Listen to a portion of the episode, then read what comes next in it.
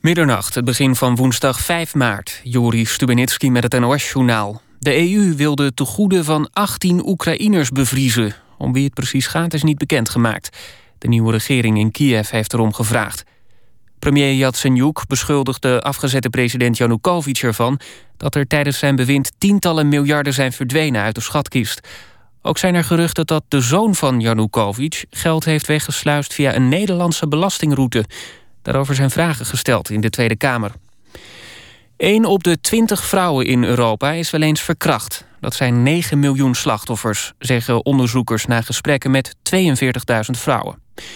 Meer dan de helft van de vrouwen in de EU heeft wel eens te maken gehad met seksuele intimidatie, zoals ongewenste aanrakingen of kussen. Vaak werd de vrouw lastiggevallen door de baas, een collega of een klant. Het treinverkeer bij Woerden is vanavond tijdelijk stilgelegd... omdat daar twee mannen waren ontsnapt. Ze gingen er vandoor toen de politie hen wilde arresteren. Eén had al een handboei om en kwam bij zijn vlucht in het water terecht. De twee wisten enige tijd lopend te ontkomen. Een van de mannen werd later met behulp van een politiehelikopter gevonden. In Vlissingen zijn vanavond 19 mensen naar een bijeenkomst gegaan... om te praten over een man die zich vrijdag in brand had gestoken voor een Albert Heijn. De bijeenkomst werd gehouden omdat veel mensen de gebeurtenis hadden gezien... en die grote indruk maakte. De man is overleden aan zijn verwondingen. Zangduo Acta en de Munnik gaat uit elkaar. In De Wereld Draait Door zei Thomas Acta dat het klaar is. De twee leerden elkaar in 1989 kennen op de Kleinkunstacademie. Hun muzikale doorbraak was het nummer Niet of Nooit Geweest uit 1998. Hun laatste show is volgend jaar in Theater Carré. Het weer. Vannacht kan lokaal nevel of mist ontstaan. De minima liggen rond het vriespunt. Overdag trekken de mist en laaghangende bewolking op. Daarna flink wat zon. Het wordt morgen ongeveer 11 graden. Dit was het NOS Journaal. Radio 1. VPRO. Nooit meer slapen.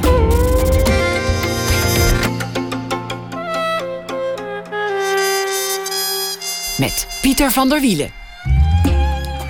Goedenacht en welkom bij Nooit meer slapen. Een reisboek schrijven over een plek waar je zelf nooit geweest bent. Daarover praten we na één uur. En dan krijgt u ook een verhaal van onze huisschrijver deze week, Thomas van Aalten. Maar we beginnen met Alice Zandwijk. Haar thuisbasis is al jaren Rotterdam, waar ze sinds 2006 leiding geeft aan het Rood Theater. Maar inmiddels heeft ze ook naam en faam bereikt in Duitsland, Engeland en Spanje. Elitair moet het nooit worden, comfortabel liever ook niet. Maar ze heeft uitgesproken opvattingen over het theater. Alice Zandwijk werd geboren in Veenendaal in 1961. Binnenkort regisseert zij bij dat Rood Theater de voorstelling Bossen. Het derde deel van een vierluik van voorstellingen van de schrijver Wajdi Mouiwat. Hartelijk welkom. Um, eerst, eerst maar met een paar citaten uit het verleden beginnen. We kunnen kijken of we daarop uh, kunnen verder bouwen. Wat mij drijft is een altijd aanwezig gevoel van eenzaamheid, heb je wel eens gezegd. Wat, wat bedoelde je daarmee? Ja, maar dat is eigenlijk meer als ik iets maak of zo, dat dat ergens aanwezig is of zo. Maar dat is niet wat mij drijft. Wat mij drijft is toch wel een soort engagement um, um, om iets te vertellen. Dus dat ik me meestal zo op het moment dat je iets maakt, dat je je soms ontzettend eenzaam kan voelen, maar niet maar dat is niet wat me drijft. Wat me drijft is toch wel dat je denkt... godverdomme, dat je iets, of, dat je iets wil laten zien over deze tijd. Iets willen vertellen. Iets, maar, maar, maar, dat gevoel van eenzaamheid, wat, wat is dat dan? Ja, dat is, dat is zo. Dat is zo als je dat je dan, ja, ik weet niet, dat is dat, is dat je iets dat eigenlijk al je energie dat je die probeert eigenlijk in een, in een, in een voorstelling te leggen en met je acteurs dat, uh, en aan je acteurs te geven. En, dat, dat, en mijn eenzaamheid vind ik niet eens, dat is niet slecht of zo. Of dat is niet een heel vervelend gevoel. Dat is meer een gevoel van dat je, ja, ik weet niet. Dat heeft te maken dat je iets afgeeft, denk ik, soms. Eenzaamheid heeft wel een slechte reputatie als, als je de emoties zou moeten rangschikken naar uh, algehele waardering. Ja, ja, maar dat is in dit geval is dat eigenlijk niet zo. Dat is ook niet een. Nee, dat is niet een last net een doorloop gehad voor de nieuwe voorstelling. Hoe, hoe, is het dan op zo'n avond als je, je bent in de taxi gesprongen, hier naartoe gekomen? En, uh... dat is nog even. Dan, ik zit nu nog wel heel erg met mijn hoofd in die doorloop of in die, in die voorstelling. Dus dan denk ik echt, ah, dat was wel goed, dat was niet goed. Dat moet morgen allemaal nog. Dus het is niet zo dat ik. Uh, dus ik heb dat nog niet losgelaten, zou ik maar zeggen. Dus nog helemaal, helemaal uh, geladen van kleine verbeteringen. Ja, ja zeker. Ja. Maar morgen beginnen de try-outs al. Ja, maar dat, dat maakt mij niet uit. Dus ik denk altijd, ik kan heel erg goed denken in, naar een première toe. Dus die try-outs en dat er mensen zijn, dat vind ik alleen maar ontzettend goed. Dat vind ik fijn, dat vind ik prettig en dat is voor de acteurs heel prettig. En dan hebben ze in ieder geval niet alleen maar die, uh, die regisseur voor zich die altijd dingen nog steeds niet goed vindt. En, dan, en dus dat is voor de acteurs is dat heel prettig. En voor mij ook, want dan kan ik weer met dan kijk ik met een ander oog. Dan kijk ik toch met het oog van het publiek. Maar je gaat het niet stilleggen als er publiek Nee. is. Je gaat niet zeggen stop. Nee, Zo, zo zou je het niet doen. heb ik wel eens een keer bij een voorstelling gedaan. Dus Echt bij een is- voorstelling? Ja, nou goed, bij een voorstelling. Dat was, dat was wel met amateurs. Dat ik iedere keer ertussendoor roep, nou anders en nu dit en nu dat. Dus dat, eh, maar dat, dat zal ik morgenavond niet doen, denk ik. Nee, Lijkt me best Nee. irritant als, als de regisseur roept Ja. wat er moet gebeuren tijdens een voorstelling. is ook zo, is ook zo. Maar goed, dat, dat is normaliter niet zo. Dat is ook absoluut irritant. Maar dat, is, dat zal morgen niet zo zijn. Het engagement dan. Eh, je- begrijpt het leven pas wanneer je een keer bent mislukt. Wanneer je de bodem hebt bereikt. Heb je ook een keer gezegd. Ja, ik denk wel dat het ook zo is. Dat denk ik ook wel. Ik denk als je als mens ergens door bent gegaan... of als je dat, dat dingen niet zo van een leien dakje gaan... dat denk ik wel dat je dan dat je meer, ehm, dat je meer eh, iets van het leven snapt... en van de wereld dan dat je helemaal nooit iets hebt meegemaakt. Dat denk ik wel, ja. En iets meemaken, dan bedoel je een tegenslag. Nou, een tegenslag of geen geld hebben... of in een ander werelddeel zijn geboren en, en eh, pff, eh, je, je ouders niet kennen. Of er zijn ontzettend veel voorbeelden, ja. Ik bedoel, in Syrië zitten nu. Of ehm, dat, is, dat is inderdaad waar je geboren bent. En wat je meemaakt, eh, tekent je. Dus je hebt tegenslag nodig om, om ergens te komen, om er iets van te begrijpen. Dat vind ik, dat is soms wel zo. Ja, dat vind ik soms wel zo. Ik vind dat er maar heel weinig mededogen is in de wereld. Begin ik weer, maar in ieder geval, eh, dat, dat, dat vind ik wel. En ik denk, en mensen die iets mee hebben gemaakt, die hebben daar toch iets meer begrip voor. Of die hebben wel meer begrip voor ehm, mensen die het moeilijk hebben. Welke tegenslagen heb je zelf gehad? Ook niet zoveel, eigenlijk. Nooit de bodem bereikt.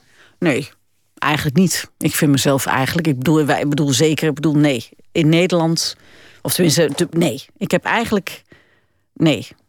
Ja, ik, ik wil nee. er wel over vertellen en over Ja. praten, maar ik, ik kan niet zeggen dat ik, nee. Ik kan, ik kan niet zeggen dat ik enorm de bodem, ik heb wel dingen meegemaakt, maar niet dat ik denk, wow, ik heb een enorme bodem meegemaakt. Nee, je hebt niet in Nee. een Syrisch vluchtelingenkamp gezeten. Nee, nee. Maar ik heb wel, ik bedoel, ik ben niet in een heel rijk milieu opgevoed. Dus ik heb wel, bedoel, ik heb wel moeten knokken om, eh, eh, eh, om eh, je hebt wel moeten knokken om in ieder geval iets eh, ehm, te verdienen of zo. Of je hebt mensen die dus altijd alles, hoe noem je het, eh, voorgeschoteld krijgen. Of dat het allemaal heel makkelijk gaat. Dat is, dat is niet zo geweest in ons gezin. Geen gespreid bedje. Nee, dat is absoluut niet een gespreid bedje. Maar ik, ik kan wel praten over een gelukkige jeugd. Dat wel. Maar je hebt ook wel eens gezegd, en daarna hou ik op over dingen die je in het verleden hebt gezegd, maar, maar nog eentje dan, dat, dat je vader zichzelf een sukkel vond. Dat je vader vond Ja. dat hij een loser was. Ja, daar, daar, daar, heb ik wel, daar heb ik wel mijn nodige. Daar heb ik wel, ja, dat is zo. En dat, dat vond ik lastig. Dat is mijn vader, komt echt uit een arbeidersgezin. En die vond zichzelf eigenlijk altijd waardeloos. Of die vond zichzelf, daar heb ik wel, daar reken ik nog steeds wel mee af. Dat zijn wel dingen als iemand die eigenlijk zich schaamt om in het leven te staan. Dat is wel iets wat mij. ehm, dat vond ik wel heftig, ja. Hoe ging dat? Want ehm, wa- wanneer, wanneer kwam dat er sprake of wanneer uitte zich dat, dat, dat, je, dat je vader vond dat hij, nou, dat hij mislukt was of, of, of dat hij niet meetelde? Dat was eigenlijk zijn houding al vanaf kind af aan of zo. Is dat, ik bedoel, is dat zo? Is dat, het is een gebukte man. Een, iemand die, zich, ja, die, die eigenlijk gewoon een, een leidende mens. Dus die niet in staat was eigenlijk tot leven. En, eh, en, eh, en nou ja, mijn ouders gingen scheiden. En toen was het, werd dat helemaal duidelijk. Dat hij dat daarna eigenlijk helemaal niet meer aankon. Dus, ehm, dus ehm, Hoe, hoe wordt zoiets duidelijk? nou goed dat hij gewoon in een schulp kruipt en gewoon niet in staat is om te leven. Zo niet eh, zichzelf eh, met zichzelf eh, eigenlijk raad wist. Ja, dat hij dan ja, een leidende mens en dat ook echt zijn. Dus dat is ja. En Drinken? Drinken? Nee, vloeken? nee, niet drinken. Nee, niet drinken. Niks. Gewoon eigenlijk een, ja, een inert iemand. Iemand die inert is, die niet in staat is. ergens uit te komen. Of, of, of, of, of hij was niet gewapend tegen mijn moeder. Of, of hij kwam, ja, dat, een niet blij mens. Terwijl mijn moeder een heel blij mens is. Dus dat was volledig, ging dat niet ook. Er zijn natuurlijk heel veel mensen die, die uh, op wat voor manier dan ook het allemaal niet aankunnen. En op een zeker ogenblik, nou ja, of letterlijk de handdoek in de ring gooien. Maar veel waarschijnlijker zich, zich terugtrekken of, ja. of doorsukkelen of wat de manier. Maar, maar voor, wie, voor wie het eigenlijk allemaal te ingewikkeld en te zwaar is geworden. Of die er niet, die niet weerbaar genoeg zijn om, om mee te komen. Ja. Komt natuurlijk heel veel voor. Nou, er komt absoluut veel voor. Ja. Ja. Maak, maak jij theater voor die mensen? Heb, heb je zo'n soort gedachte in je hoofd? Ja, ik weet niet of voor dat soort mensen. Ik bedoel, ik, ik weet niet. Ik, bedoel, ik, ik, maak ook theater omdat je een keer anders naar de wereld kijkt. Of dat je dat, dat de, de poëzie eens een keertje anders doet ademen. Of dat je. Of dat je uh, het is niet alleen maar. Uh, um, Engagement. Nee, het is ook gewoon omdat je eens een keer een andere kleur wil zien. Of omdat je uh, of het leven eens een keer van de andere kant wil zien. Of dat het eigenlijk ook nog eens meevalt. Of dat je minder angstig wordt. Of dat je een soort troost vindt. Of dat je eens een keer ontzettend kan lachen. Dus het is niet alleen maar uh, uh, op de barricade. Nee, het is op alle manieren. Ik bedoel, een, een, een familievoorstelling kan ook ongelooflijk leuk zijn. Ontzettende verademing om naar te kijken. En dat je, dat, en dat je een avond twee uur lang ontzettend lacht. Dat vind ik ook zeer belangrijk. Maar, maar, maar toch loopt, loopt, lijkt er een, een soort lijn in, in. Inmiddels heb je een oeuvre. Lijkt, mm -hmm. lijkt er een soort lijn in dat het toch wel vaak gaat over nou ja, de, de, de moeilijkere kant, de, de, de mensen die, de verschoppelingen, de onderkant. De, ja, is ook zo. Dat is ook zo. Want ik, ik, ik ben niet iemand die. Uh, dat is ook zo, maar dat is niet alleen maar zwaar, gek genoeg. Iedereen denkt dan ook dat het allemaal loodzware voorstellingen zijn. Dat is namelijk niet zo. Het zijn ook hele louterende voorstellingen. En ook heel erg, uh, je kunt je er ook aan laven. Dus het is niet zo dat je alleen maar denkt: wow, wat een zwaard en wat heavy. Nee, je kunt ook eigenlijk daar heel blij van worden, omdat er een soort herkenning is. Niet zo'n 19e eeuwse portret van, van een aardappel etende nee, nee, nee, volledig familie niet. in lompen. Nee, nee, nee. Zonder het is nee, helemaal niet. Het is ook. Ik bedoel, het grappige is dat de me mensen die het meest lijden eigenlijk, die hebben vaak ook het meeste zelf. Uh, um, die kunnen ook ontzettend om zichzelf lachen. Dus het is helemaal niet alleen maar uh, uh, ellende. Zeker niet, want de grote verhalen zijn namelijk eigenlijk allemaal zeer um, uh, mooi. Eigenlijk kan ik alleen maar zeggen. Het is niet alleen maar, het is juist eigenlijk alleen maar heel erg troostrijk en positief. Maar die verhalen fascineren, die, die, die wil je ook graag op de planken brengen. brengen. Waarom? Omdat ik denk dat het helpt. Dat het helpt om, in onze beschaving. Dat, het, dat de wereld. Wij kijken met z'n allen altijd. Hè, op het moment dat we. Hè, dat, dat, ik vind namelijk dat dat. Waarom? Dat heeft te maken met dat. Um, we kijken niet verder dan ons neus lang is. En we kijken naar televisie. En we kijken. Hè, we, we zijn amper in staat om iets van de wereld te zien eigenlijk. En dan hoop je eigenlijk dat door een voorstelling of zo. dat je net even niet langs die zwerven voorbij loopt. En dat je net die zwerven wel niet zozeer geld geeft of een praatje. Uh, uh, of, of daarmee praat. Dus het gaat niet alleen maar over. Het gaat gewoon ook over aandacht. En over. Um, ja, over de medemens. Dat we met elkaar veel meer samen zijn. De mensen die in, in de schouwburg zitten, het, mm -hmm. het publiek. Ja, te wit publiek vaak. En die het goed hebben en te rijk zijn, eigenlijk, vind ik. Is dat zo? Maar goed, ja, dat vind ik. Ik vind dat theater veel laagdrempeliger zou moeten zijn.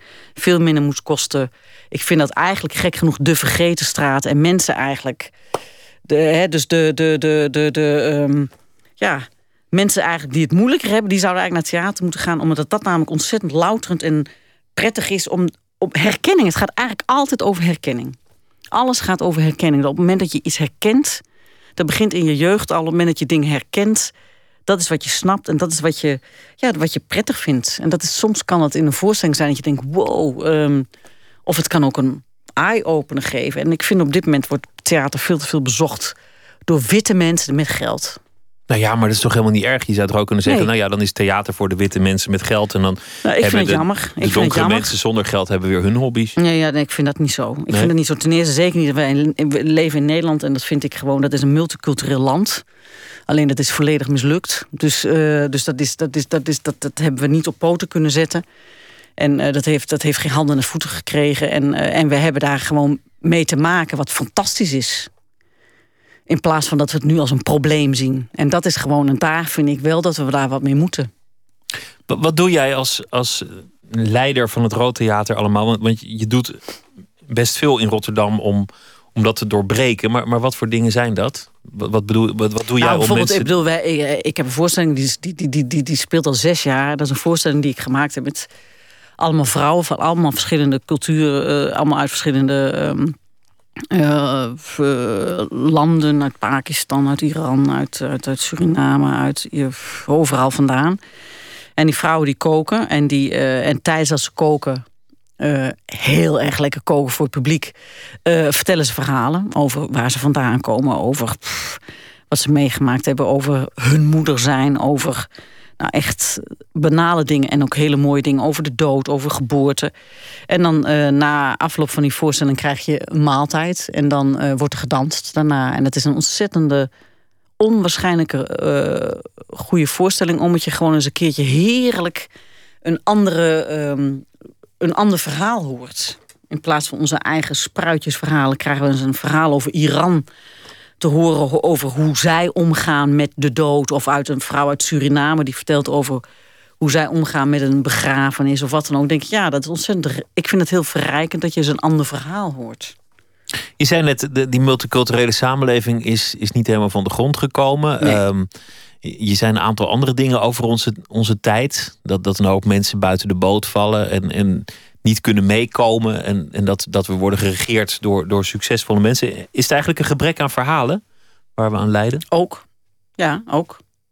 Ja, dat denk ik. Dat denk ik. Dat denk ik. En, en, en, en, en een gebrek aan een goede regering. Laten we wel wezen. Ik bedoel, eh, de PvdA, dus de, de, dus de, bedoel, die, de, partij die ehm, nog opkwam voor andere eh, groeperingen, eh, die hebben ook nu een illegale beleid die, eh, waarvan, waar, je, waar je u tegen zegt. Waarvan ik denk, ja, we worden alleen maar kleiner en kleiner en kleiner en smaller en smaller en smaller. En dat is, dat, dat, dat is gewoon erg. Maar dat zijn eigenlijk ook allemaal verhalen. Politiek gaat ook uiteindelijk over verhalen. Ja, maar De goed, crisis is in wezen ook een verhaal. Ja, maar goed, dat is ook maar een verzinsel. Hè? Ik bedoel, ik bedoel kijk, ik bedoel, eh, bedoel, ik heb laatst een voorstelling gezien van, van Marjolein en Sedettin. En die voorstelling ging over, ehm, ook hierover dat bijvoorbeeld het, eh, toen wij ooit eh, Jan Maat hadden, hè, dat iedereen zo ongelooflijk kwaad was op die partij. En dat, allemaal, eh, en dat ze allemaal, hè, dat, dat ze vonden dat iedereen heel Nederland vond dat dat allemaal niet kon. En dat ze ongelooflijke, vreselijke dingen zeiden over allemaal, hè, over, over ehm, eh, ehm, Buitenlanders. over buitenlanders en dan vervolgens en en en en ze en ieder en ze kwamen er ook achter hè, ik bedoel en die voorstelling ging erover dat iedereen nu exact hetzelfde gedachtegoed en hetzelfde praat als in die tijd Jan Maat. En dan denk ik ja en die en het is gewoon helemaal waar. Wij zijn moreel en volledig zijn wij veranderd. En dan denk ik ja, dat is dat is dat is hoe lang is dat geleden? Pff, 30 jaar geleden of 20 jaar geleden. Jan Maat, weet ik veel. Hoe lang is dat geleden? Dat is nog, nog minder lang geleden. En denk ik, ja, en, dat, en, die verschuivingen en die verschuivingen, die doen we en die maken we allemaal mee. En dat is, vind ik, erg. Heftig. Ja, misschien was het toen iets te links, want, want er werden gewoon aanslagen gepleegd op, op die partij. En dat, dat moet je als democraat nooit goed vinden, dat er een aanslag op welke partij dan ook wordt gepleegd. Dat het met geweld wordt, Ben ik wordt eens. uitgevochten. En, en de, de, intellectuelen van toen die keken met veel liefde de andere kant op. Ja. Dat, is, dat is achteraf onbegrijpelijk. Ja. Misschien zitten we nu wel iets te veel aan de andere kant. Dat je ook nooit eens iets positiefs kunt zeggen over, over de multiculturele samenleving. Zonder dat je meteen in de hoek van de politiek correcte kerk wordt geduwd. Mhm. Er zijn natuurlijk Mhm. ook best dingen die wel goed gaan. Mag ook Ja. wel een keer gezegd. Nee, ik vind Nederland op dit moment vind ik echt een onwaarschijnlijk klein land. Ja, echt. Ik vind het, ik vind het echt. Ik bedoel, de hele culturele sector ligt op zijn reet. Eh, eh, eh, eh, we, we- denken steeds kleiner. Ehm, nee, ik kan nou niet zeggen dat, dat wat jij zegt, eh, we mogen wel zeggen dat het goed gaat. Nee, we mogen wel zeggen, we moeten eens ophouden met denken over dat er een crisis is. Daar moeten we eens over ophouden. Dat hele gelul over die banken, daar moeten we ze met elkaar mee ophouden. Want daardoor houdt die crisis ook stand. Omdat we het er steeds over hebben. Tuurlijk. En ik bedoel, al, al die ratings en dat iedereen daar maar in gelooft, jongens, dat is allemaal verzinsels om, om voor een aantal mensen rijk te maken. En wij lopen met z'n allen lachend achteraan. Laten we het niet over politiek Nee, hebben. Dat vind vind ik, zo, ik vind dat zo lekker als het Ik ook. niet over politiek Nee, gaat. doe maar, doe maar. We gaan het straks hebben over, over theater en over, over verhalen en over de stad Rotterdam. Maar we gaan eerst eh, luisteren naar eh, muziek. Een Zweedse indieband The Cardigans. Daar zou u deze zangeres van eh, kunnen kennen. Ze heeft zelf een album gemaakt, Animal Heart. En daarvan draaien wij Silver. If you ever get lost, honey, I'll find you. I'll follow the line of your tracks in the snow. If you ever get blue, baby,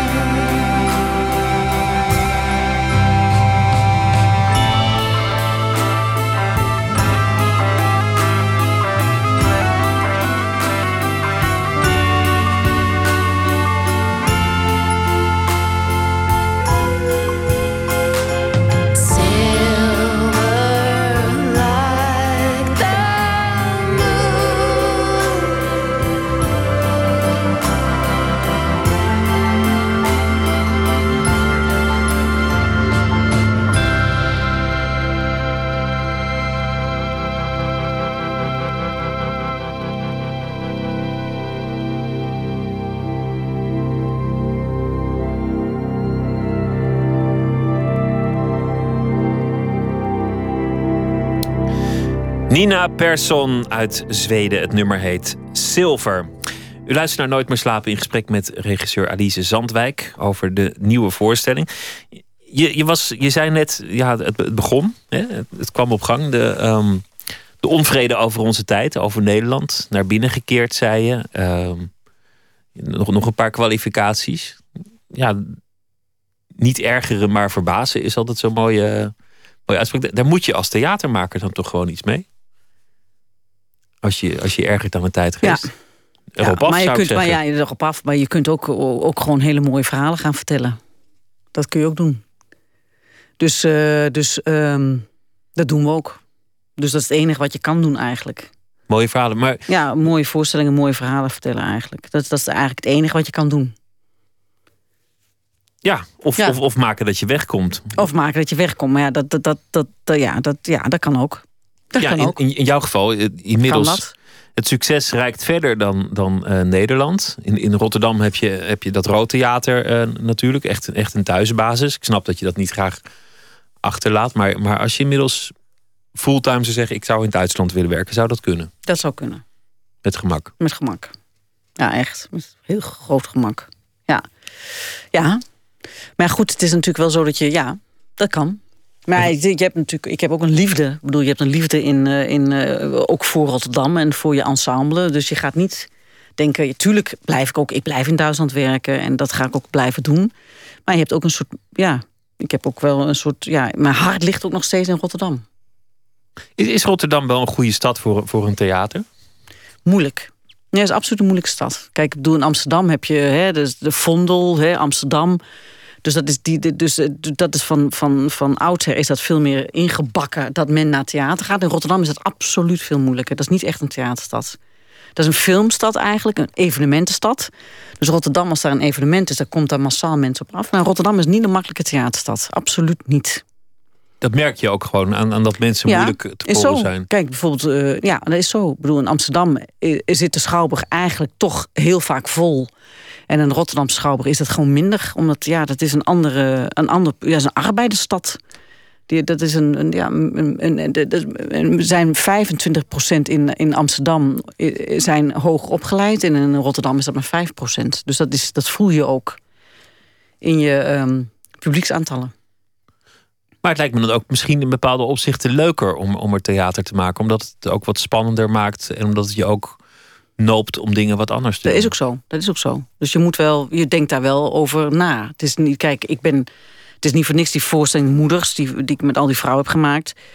Die maak ik wel in Rotterdam. En ik weet niet als ik in Amsterdam eh, zou hebben gewoond... of, eh, of als ik daar, dat, ik daar eh, in Amsterdam in, bij een theater had gezeten... of ik dat zou hebben gedaan.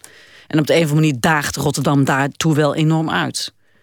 De stad daagt erg uit om, um, ja, om um, anders te denken, vind ik. Om op een andere manier theater te maken? Ja, vind ik wel, ja. Echt. Ik bedoel, ja, er zitten zijn 64 verschillende culturen. Daar moet je iets mee. Dat vind ik. En ik, ik, ik wil ook proberen. Je wil ook die andere culturen in je, in, in je zaal. En uh, tenminste, ik vind dat belangrijk. Ik weet niet, bedoel, bedoel, mensen in Amsterdam kunnen het ook wel of niet belangrijk vinden. Maar op de een of andere manier daagt Rotterdam mij daar heel erg toe uit. Omdat het ook niet evident is dat men daar naar theater gaat. Je zei net, uh, om in het leven echt tot iets te komen moet je tegenwind hebben gehad je zou kunnen zeggen dat dat voor jou als theatermaker in Rotterdam ook geldt. Dat vind ik ook wel een beetje. Ja, het is geen natuurlijke situatie om daar naartoe. Dat is ook zo. Dat is echt tegenwind wel. Je moet heel veel harder knokken om daar een voorstelling organisch vol te krijgen. Daar waar een voorstelling in Amsterdam sowieso vol zit, kost in Rotterdam gewoon veel meer moeite. Dus dat is ook meer tegenwind. Dat is absoluut zo. Ja. Toch is Rotterdam Van wel... is dat natuurlijk ook zo. Hè? Maar het gek genoeg is het wel een pionierstad op een of andere manier, vind ik. En ook wel een cultuurstad. Ja. Want, want eh, ik bedoel, het is niet zo dat, dat Rotterdammers niks met cultuur hebben. Het is, het is een stad van dichters, muzikanten, ja. Uh, ja. film, zei je zelf al. Ja. Het is wel een creatieve stad. Het is absoluut creatief. Veel kunstenaars die daar zitten. Heel veel beeldende kunstenaars. Ja, dat is zo. Alleen, en, en, en een, stad van, een stad van uh, vriendelijk bedoeld, stad van geouwe hoer. Mensen vertellen graag uh, verhalen. Valt mij altijd op. Ja, en een nonsens natuurlijk ook. Dus, dat, hè, dus dat, ja. Ja. Ja. Maar goed, het is niet, het is niet inderdaad, het is niet, de, het is niet de makkelijkste weg.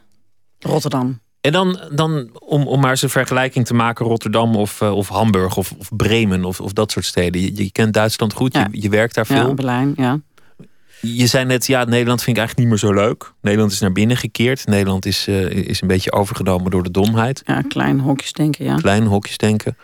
Is dat in Duitsland wezenlijk anders? Ja. Maar ja, goed, dat is, dat is ook al van oudsher zo. Kijk, de Duitsers hebben, vind ik, bedoel, die hebben. Dat is ook weer een. Het is, die, die, die zijn veel volgzamer. Dat zit er natuurlijk ook een kwalijke kant aan. En die. Alleen het theater, de theater en de filosofen en de schrijvers en de kunsten, ja, dat, dat is dat cultuurgoed, dat, dat achter ze hoog. Ja, dat is een heel, heel erg groot verschil bedoel, dat is gewoon, er gaat miljoenen om. In een, in ik bedoel, een taxichauffeur weet gewoon welke voorstellingen er draait in een, in een stad. In een theater. Ik bedoel, daar is gewoon, men wordt opgevoed daarmee. En wij worden daar niet meer mee opgevoed. Dus wij hebben, theater is een iets exclusiefs. En in Duitsland en in Engeland en in Frankrijk uh, uh, wordt men daarmee opgevoed. In Rusland ook trouwens. Met theater specifiek of met, met cultuur in het algemeen? Maar, uh, cultuur in het algemeen. Dus met schrijvers, filosofen, uh, theaterbezoek hoort daar ook bij. Die hebben grote theaterschrijvers ook. Dus die, die, dus die worden daar gewoon... Dat gaat vanuit, de, vanuit je kleuterklas, je middelbare school, je laagschool... dan word je daar gewoon mee opgevoed. Hoe heeft het in Nederland kunnen veranderen? Want, want is Nederland altijd een land van cultuurbarbaren geweest? Nee, of is dat ineens nee, ik vind niet. Nederland waren echt voorlopers. Wij waren voorlopers in, onwaarschijnlijke voorlopers in, in toch wel modern theater eigenlijk wel. In, in, in, in groepen als Discordia bijvoorbeeld. Of Nieuw-West. Dat waren echt, dat was, dat was dat is een unicum, in, vind ik, in Europa. Dus echt, hè, Barreland en Doodpaard. Je hebt allemaal van die kleinere groepjes. Dus eigenlijk dus die niet bij de grote gezelschap horen, die, die zijn zo uniek en zo belangrijk geweest in Nederland. In verband met een volledig andere kant belichten hoe je met een tekst om kan gaan. of hoe je met moderne repertoire om kan gaan. Daar waren we echt voorlopers. En al die groepjes zijn, bijna al die groepjes zijn weggebezuinigd. Terwijl daar is Nederland, vind ik, daar zijn wij met z'n allen rijk door geworden eigenlijk. Alles, wij, wij hebben heel veel te danken eigenlijk juist aan die, juist aan, aan die scene die juist net niet in die grote Schouwburger staat. Dus dat daar, ja, de Hollandia, Johan Simons, weet je, dus eigenlijk allemaal de kleinere groepen die zijn zeer bepalend geweest voor onze, um, voor onze, voor de grote gezelschappen nu.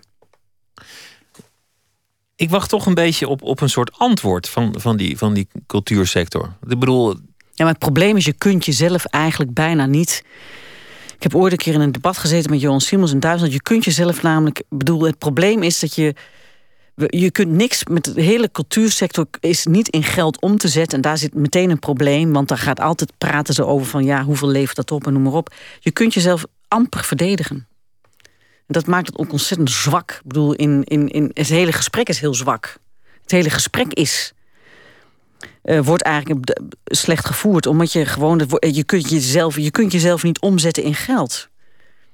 Maar goed, het is nu geweest. Uh, dat geld is eraf. Een, een, paar gezelschappen staan nog, een paar gezelschappen staan niet meer. Het Rood Theater is, is overeind gebleven.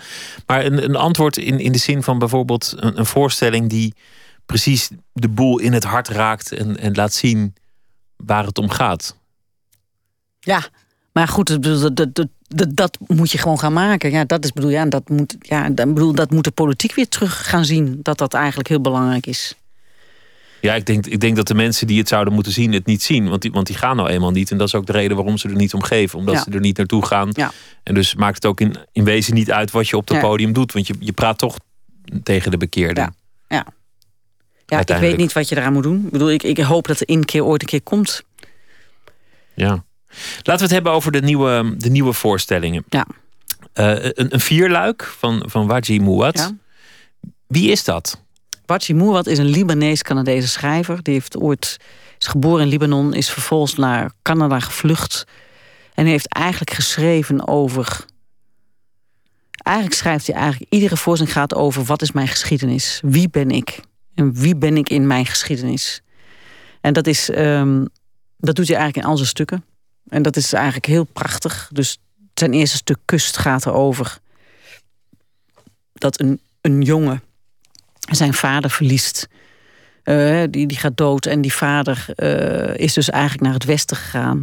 En daar kan hij niet begraven worden vanwege dat hij niet hier thuis hoort.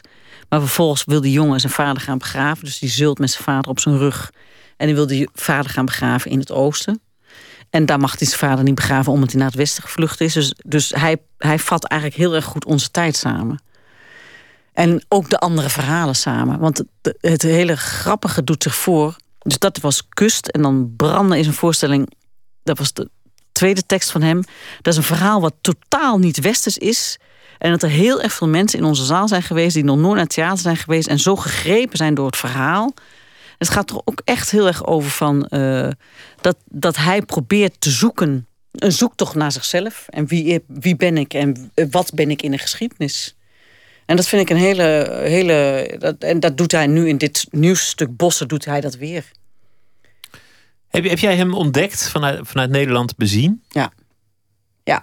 Ja, dus doordat ik in Duitsland werkte. Dat, ja. dat, dat, dat is op het moment dat je soms ergens je blikveld ergens anders hè, dat je ergens anders werkt, eh, kom je op andere stukkeuzes. En dat is onder andere heb ik toen in Duitsland werkte, heb ik met een dramaturg die heeft mij dat stuk gegeven. Ik heb het gelezen en en dan en dat heb ik toen hier in Nederland geïntroduceerd. Ja.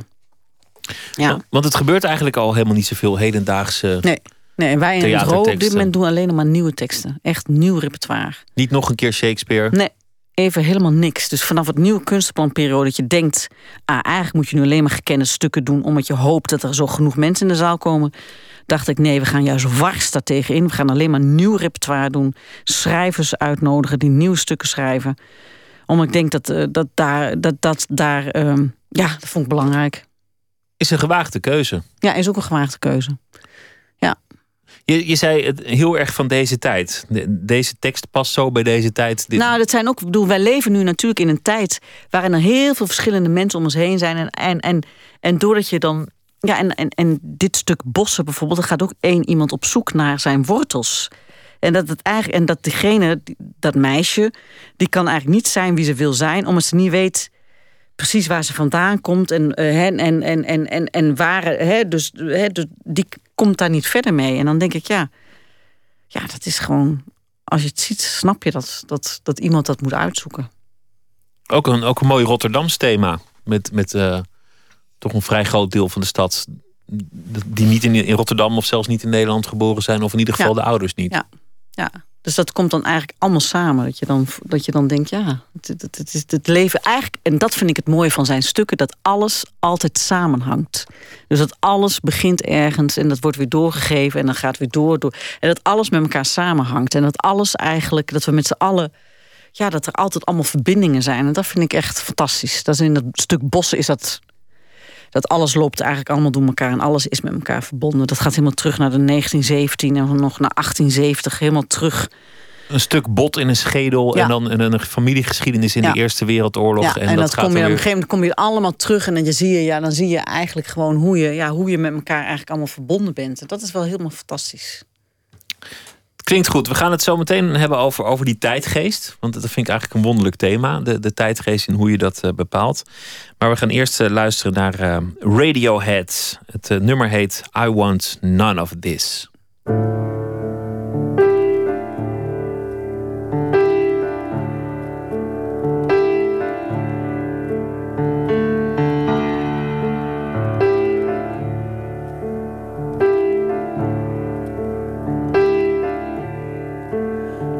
Can keep what you want.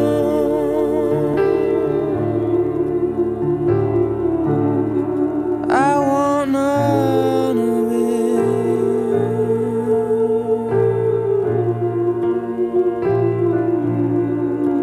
it. They're just bad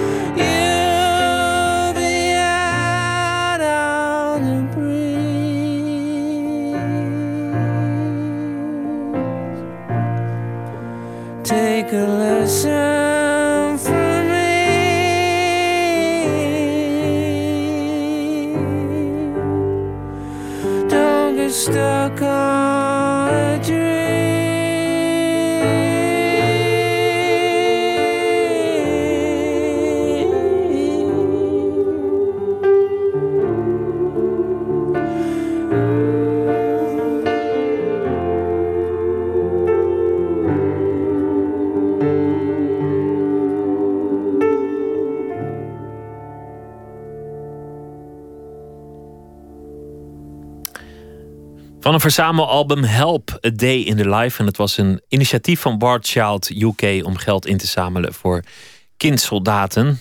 Van Radiohead was het, eh, het nummer I Want None of This. Alice Sandwijk. We hadden het net eigenlijk op, op verschillende manieren over, over de, de tijdgeest. Een bekrompen naar binnen gekeerde eh, angstige tijd. Ook een tijd van mensen die zich afvragen: Ja. wie, wie ben ik, waar kom ik Ja. vandaan? Ik, ik vind het eigenlijk altijd iets wonderlijks, een, een, een tijdgeest. Aan, aan Ja, dat gebeurt soms aan de hand van, van gebeurtenissen. Of dat gebeurt eigenlijk. Ja, een tijdgeest, dat, is, dat heeft met geschiedenis te maken. hè. Dus dan, je kunt dan op een gegeven moment terugkijken naar een bepaalde tijd.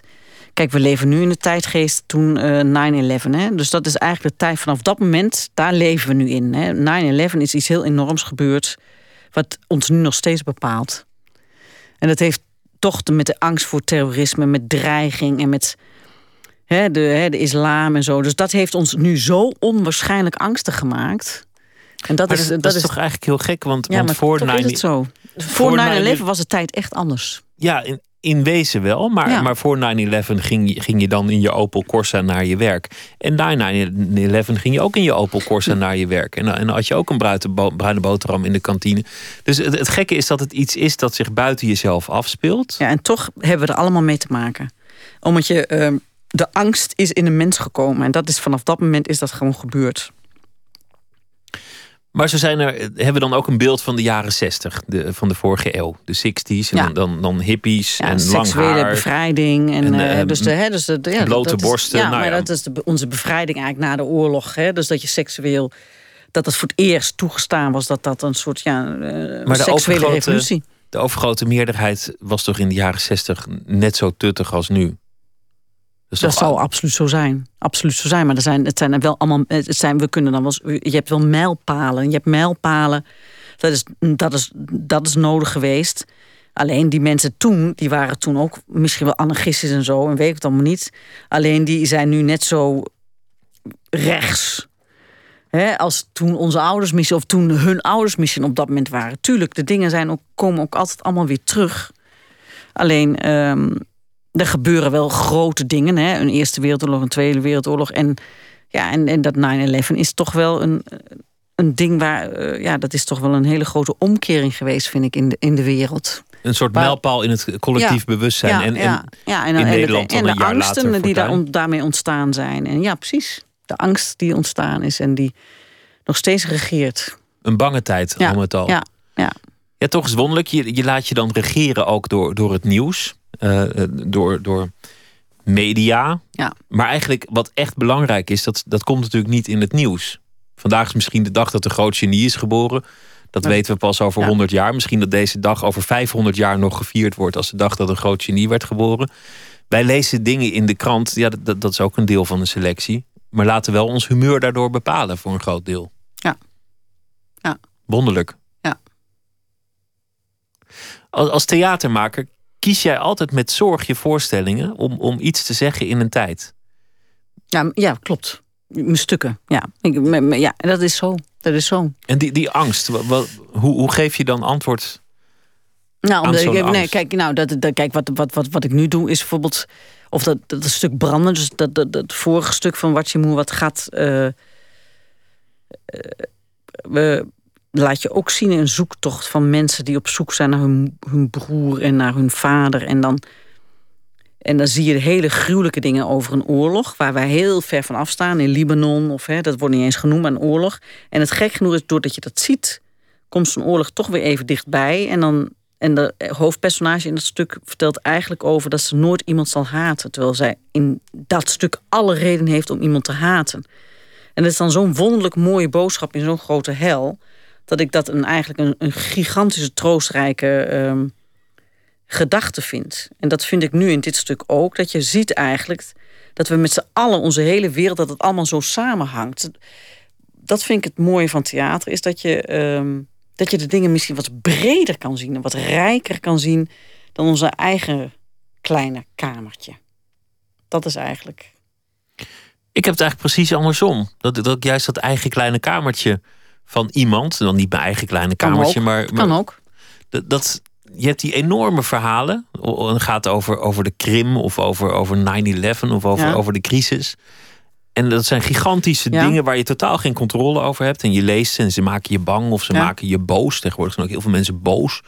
En dan eh, al boos. Maar dan, dan Dat snap die- ik ook. Dat snap ik ook. Dat Ja, je dan ja, denkt, het is allemaal zo groot. En dat je dan denkt, ja, dat, dat, dat, dat zegt me eigenlijk zo niks, want het is zo groot. Weet je wat, ik word boos. Ja, ja of, of ik weet je wat, ik trek me terug in mijn kleine kamertje. Ja, en ergens wordt dan een individu, iemand gewoon eh, in dat enorme proces verpulverd. Dan, dan is je, je, je winkel failliet. Of je bent je Ja. baan kwijt. Of, of je bent ineens eh, je liefde kwijt door, door een Ja. oorlog. Ja. En dat is eigenlijk het moment tegenwoordig dat mijn interesse echt begint. ja, maar dat snap ik. Dat snap ik. Maar dat snap ik ook. Tuurlijk. En dat zijn, dat zijn dingen die vaak zich in stilte afspelen. Ja. Maar dat, dat, heeft, dat, is, dat komt, ja, maar dat snap ik absoluut. Maar dat, soms zijn dingen in het klein hetzelfde als dingen in het groot. Dus dat, dat is, jij ziet het dan. Het valt jou op omdat je het dan in het klein ziet. En dan snap ik heel goed dat jou dat dan op dat moment opvalt. Dat snap ik. En dat denk ik ook, ook toch aan, aan jouw vader. Die, die, Dat is ook. Dat bij heel veel voorstellingen zijn, gaan ook over mijn vader ergens onbewust.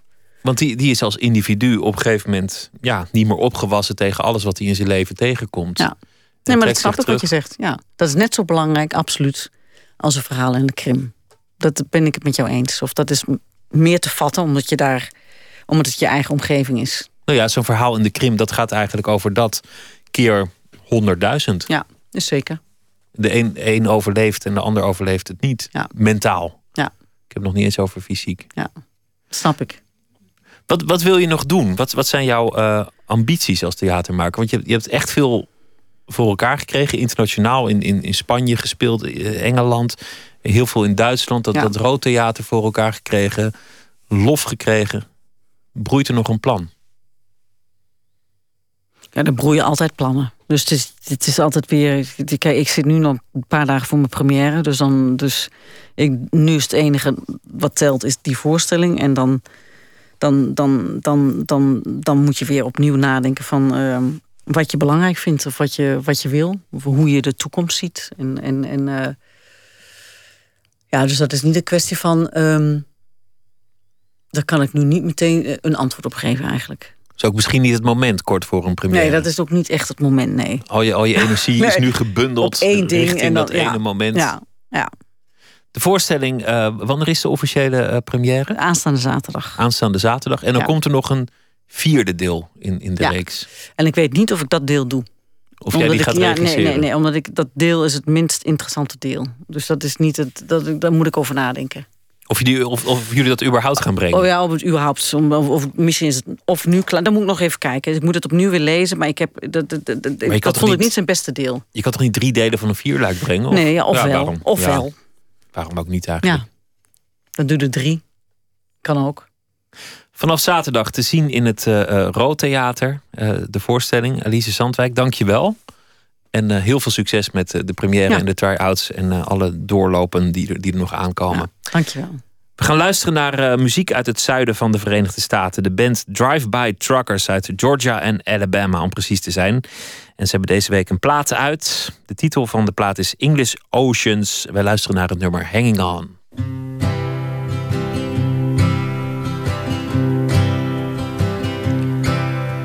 Your mama can't stand the way you lay around all day and lean on her to help you on your way.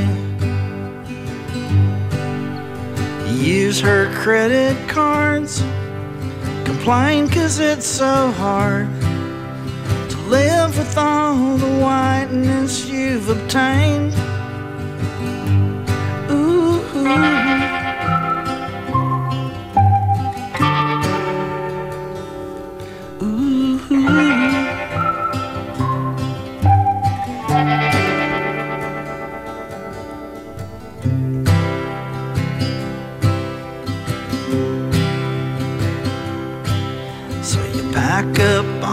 Things and cut those apron strings and set out for a drastic change of scene. You hump it town to town and never let them down. Or take the time to ponder what it means. You climb up to the roof smoke a few. To calm down from your day and soak the view. And you wonder what the hell you're gonna do to hang on.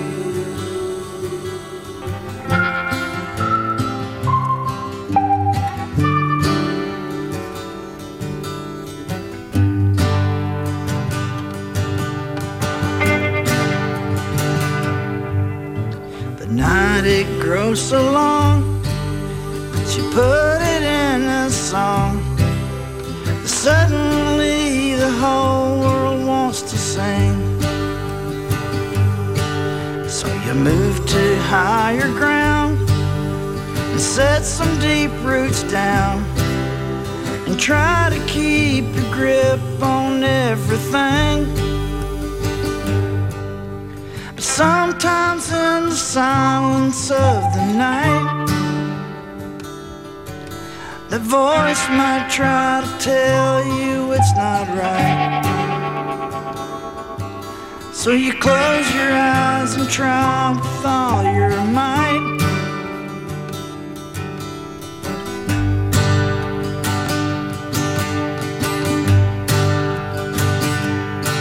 To hang on. Hanging On van Drive-By Truckers. En ze zijn eh, 15 mei aanstaande te zien in eh, Paradiso in Amsterdam. Een eenmalig optreden in ons land. Nooit meer slapen.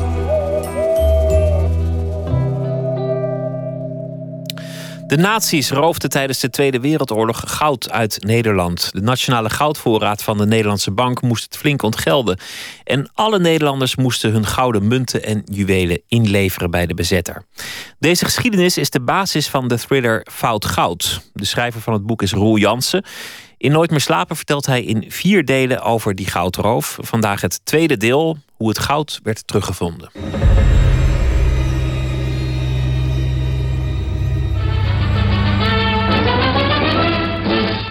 At Merker's Germany, this salt mine holds one of the strangest secrets of the war. A secret that was to deal Germany a crushing financial blow during the last days of the conflict. Here, GIs uncovered a fabulous hoard of jewelry, silver, currency, bullion, and art treasures. Much of it the accumulated loot of five years of war. Dit is een fragment van het Am- Amerikaanse legernieuws uit april 1945. Het derde leger van generaal Patton heeft dan net op zijn zegentocht door Duitsland, die rachen door Duitsland heen op weg naar de Elbe, hebben ze in Turingen, hebben ze bij een dorpje Merkers, hebben ze een, een zoutmijn ontdekt. En ze hebben gehoord van de plaatselijke bevolking daar van ja, een paar maanden geleden is in die zoutmijn het een en ander ondergebracht, in veiligheid gebracht.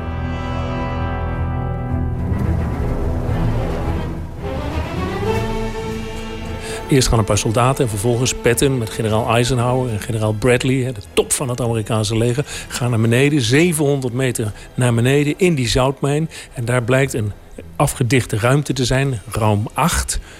eh, waar als ze die deur openblazen met dynamiet, blijkt daar dus de laatste goudschat van de Rijksbank te liggen.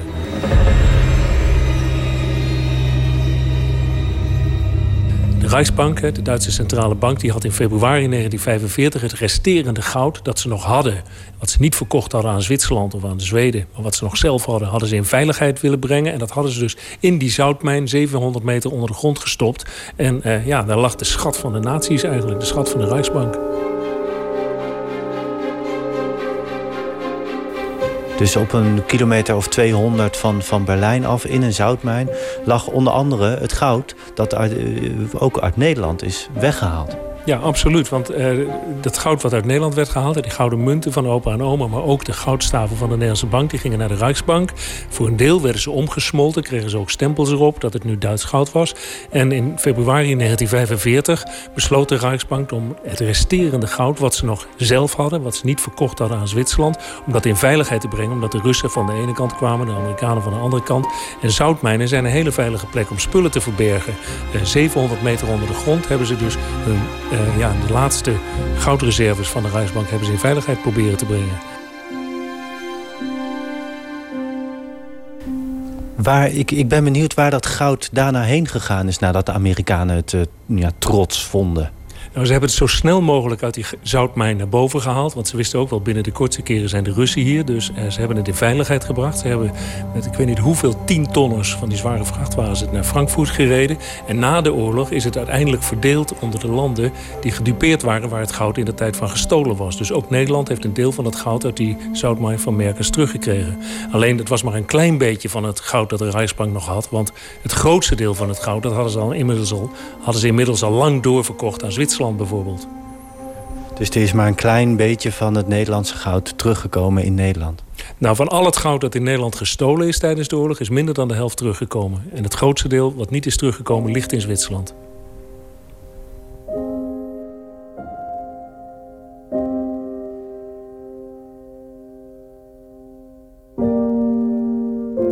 Er zijn altijd nog theorieën, ook nu, eh, dat een deel van het goud van de Rijksbank ergens verstopt is en verborgen ligt. En er zijn mensen die denken, ja, misschien ligt er in die goudmijn in Merkers nog wel wat extra goud wat nooit gevonden is door de Amerikanen. Dus er zijn neonazistische groepjes die op zoek zijn naar dat goud en dat proberen te vinden. En mijn hoofdpersoon die gaat samen met een, eh, een, een, een, charmante Duitse professor... die gespecialiseerd is in de financiële geschiedenis van het Derde Rijk... gaan ook naar beneden om te kijken of ze kunnen vinden... of er misschien in, die mijnen nog wat goud te vinden is. Nou ja, natuurlijk dat eigenlijk niet. Maar er gebeuren wel hele andere spannende dingen... want er komt een confrontatie tussen mijn helden... en die neonazies die er aan het rondbanjeren zijn.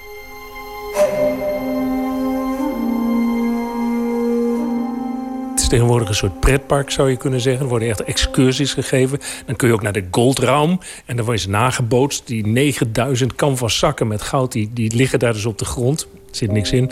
En er loopt nog een klein smalspoorlijntje door. En er hangen wat foto's waarop je kunt zien dat uh, Eisenhower, Patton en Bradley daar beneden hebben rondgelopen en zo.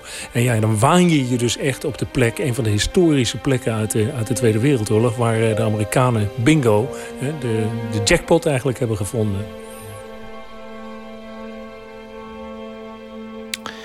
Schrijver en financieel-economisch journalist Roel Jansen over de nationale inzameling. Het boek dat hij over de geschiedenis van de goudroof heeft geschreven heet Fout Goud. Het was een bijdrage van Floris Albersen. En daarmee zijn we aan het einde gekomen van het eerste uur van Nooit meer slapen. Zometeen zijn we terug met het uh, tweede uur. Thomas van Aalten, schrijver van de roman Leeuwenstrijd, schrijft een verhaal elke dag voor ons deze week.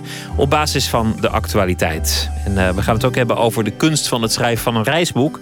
Zeker als je helemaal nog nooit op de plek van beschreven bestemming bent geweest. Kan dat eigenlijk wel? Dat uh, vragen we aan Alexander Reewijk, schrijver van onder meer boeken als Reizen tussen de lijnen. Over ontdekkingsreizigers ging dat. En uh, collega Anton de Goede die uh, doet verslag van een evenement waar hij vanavond is geweest. Dat doet hij voortaan altijd. Op dinsdag, nou ja, dat soort dingen dus allemaal in het tweede uur. We zitten op Twitter, @vpro_nms of op de mail nooit meer slapen, vpro.nl. Graag tot zometeen.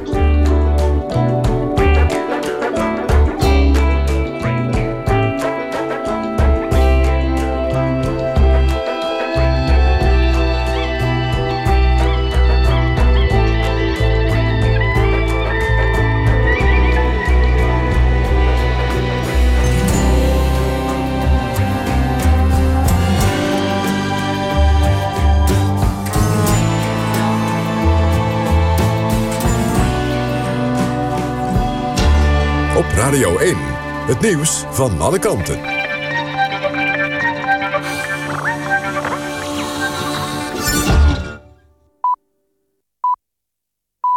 1 uur, Juri Stubenitski met het NOS-journaal. 1 op de 20 vrouwen in Europa is wel eens verkracht. Dat zijn 9 miljoen slachtoffers, zeggen onderzoekers... na gesprekken met 42.000 vrouwen. Meer dan de helft van de vrouwen in de EU heeft wel eens te maken gehad met seksuele intimidatie, zoals ongewenste aanrakingen of kussen. Vaak werd de vrouw lastiggevallen door de baas, een collega of een klant. De EU wil dat 18 Oekraïners niet meer bij hun geld kunnen. Hun tegoeden moeten worden bevroren. Wie het zijn, is niet bekendgemaakt. De nieuwe regering van Oekraïne had daarom gevraagd. De afgezette president Janukovic wordt ervan beschuldigd dat er tijdens zijn bewind tientallen miljarden euro's zijn verdwenen. De regering van Italië stelt 2 miljoen euro beschikbaar om verdere verwaarlozing van de stad Pompeii te voorkomen. Afgelopen weekend stortte door een zware regenbui opnieuw een muur van de oude Romeinse stad in. De 2 miljoen euro wordt gebruikt voor het noodzakelijk onderhoud dat aan de monumenten moet worden verricht. Ook worden kwetsbare delen van Pompeii verstevigd. De Europese Unie en de Verenigde Naties hadden hierom gevraagd. Chef de mission André Katz vindt het jammer dat er geen Nederlandse delegatie naar de opening van de Paralympische Spelen in Sochi gaat. Hij noemt het een smetje, maar begrijpt de keuze, zei hij in het NOS-radioprogramma Met het Oog op Morgen. Minister Schippers maakte gisteren bekend dat ze niet gaat vanwege de spanningen tussen Rusland en Oekraïne. Ook prinses Margriet en Pieter van Vollenhoven hebben afgezegd. Het treinverkeer bij Woerden is afgelopen avond tijdelijk stilgelegd... omdat daar twee mannen waren ontsnapt. Ze gingen er vandoor toen de politie hen wilde arresteren. Een van de mannen werd met hulp van een politiehelikopter gevonden. De ander is nog voortvluchtig. Het weer. Vannacht kan lokaal nevel of mist ontstaan. De minima liggen rond het vriespunt. Overdag trekken de mist en laaghangende bewolking op. Daarna flink wat zon. Het wordt ongeveer 11 graden. Dit was het NOS Journaal. Radio 1. VPRO. Nooit meer slapen.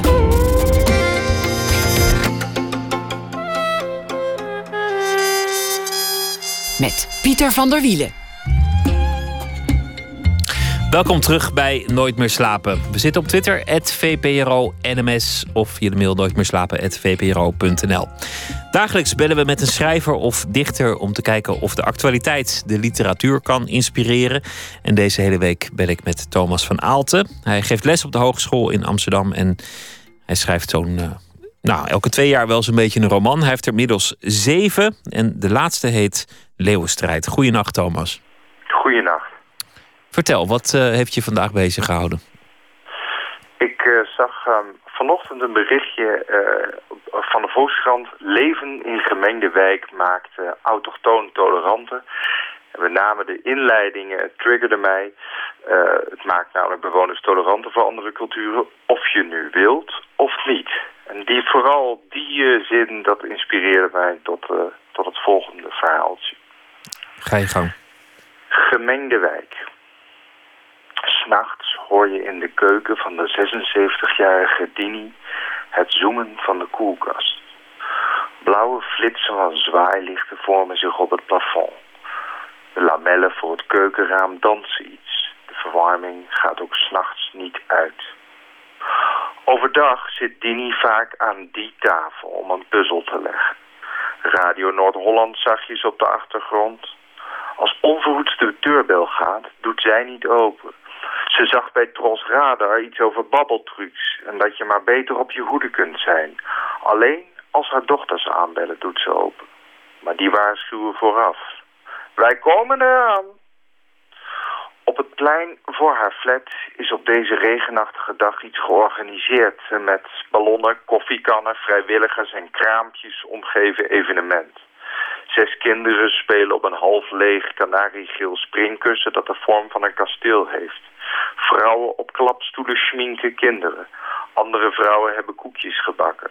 Mannen in lange gewaden spelen op exotisch ogende en klinkende percussie-instrumenten. Een wethouder neemt plaats in een witte partytent. De microfoon piept als hij iets over wijk, aanpak en participatie mompelt.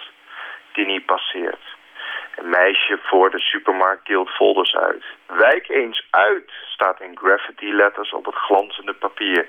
Dini neemt de folder niet aan. Als s'avonds de telefoon gaat, neemt Dini verwilderd op. Het blijkt een dame die in opdracht van de gemeente de door bewoners ervaren leefbaarheid van de wijk onderzoekt. Het is hier verschrikkelijk. Schrijft u dat maar op, verzucht Dini. Ze verbreekt de verbinding. Vandaag vroeg naar bed. Dat was het, Pieter. Ja, dat was het. Zo gaat het als je, als je want, want als je het niet wil, dan zal het ook niet gebeuren. Dat is natuurlijk het, het merkwaardige van zo'n onderzoek.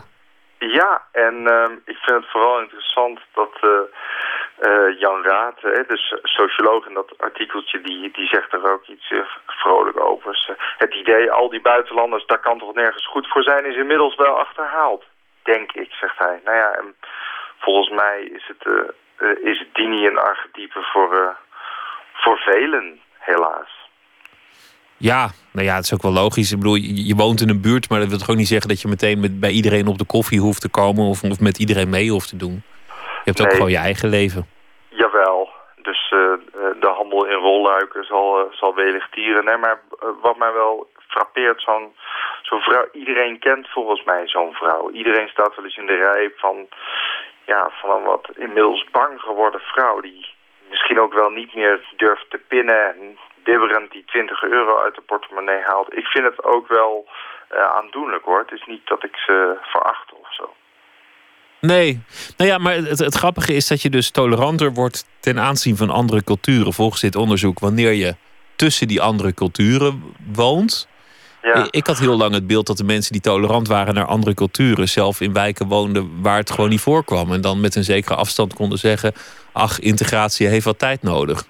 Ja, de, precies. Dat is dan ook wel een beetje het, uh, het ding van dit uh, stukje dat dat steeds wordt uh, gedacht. Maar nou blijkt uit een internationale studie dat dat niet zo zou zijn. Maar ik heb dus wel weer vraagtekens bij hoe dat dan is onderzocht. Want uh, die zogenaamde passieve tolerantie schijnt door middel van uh, observatie ook gedaan te zijn. Dus niet met statistieken. Wacht even, en, en dus dan, dan gaat iemand die gaat een soort veldonderzoeker kijken hoe tolerant mensen eruit zien. Ja, dat, maar dat is sowieso wel een gangbare uh, aanpak hoor. Van, uh, met name bij uh, sociologie heb ik mij laten vertellen. Dus uh, ja, dat is wel, uh, wel interessant. Je zou je vingers moeten, uh, of je tanden erin moeten zetten bij deze contextual effect of positive intergroup contact van outgroup prejudice.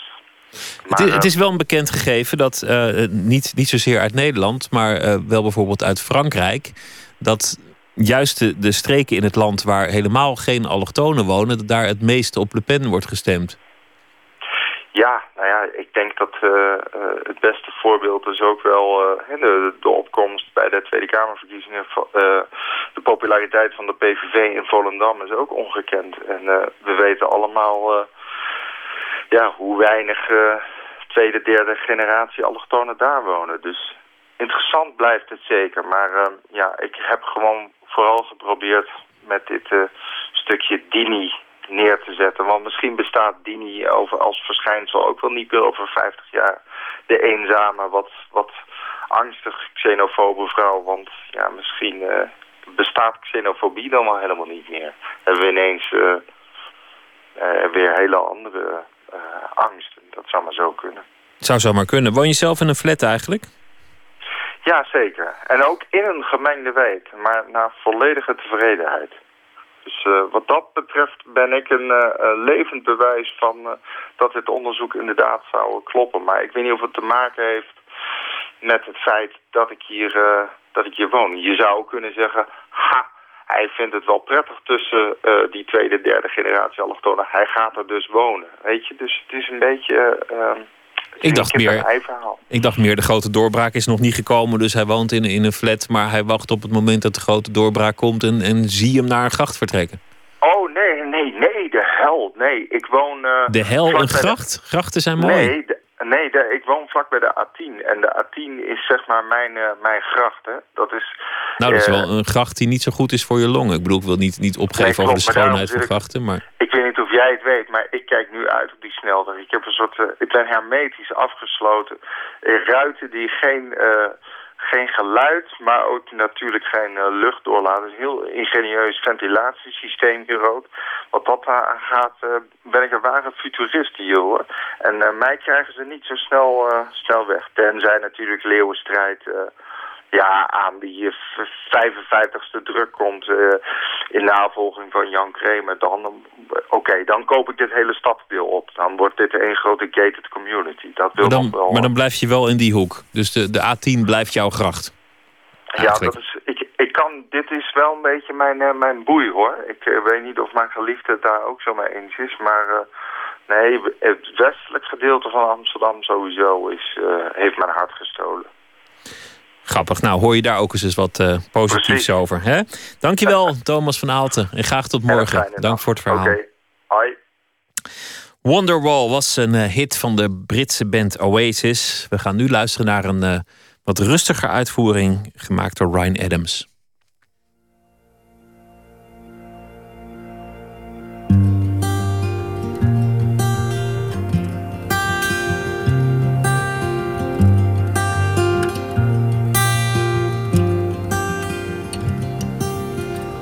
Today's gonna be the day that they're gonna give it back to you. By now, you should have somehow realized what you gotta do.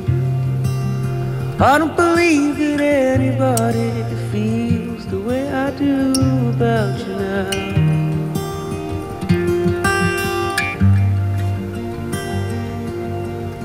Backbeat to what is on the street, that the fire in your heart is out. And I'm sure you've heard it all before, you never really had a doubt. I don't believe that anybody feels the way I do about you now.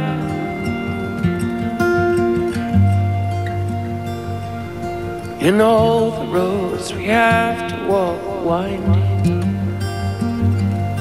and all the lights that lead the way are blinding.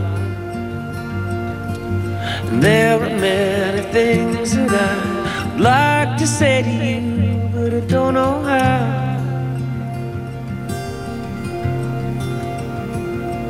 I said maybe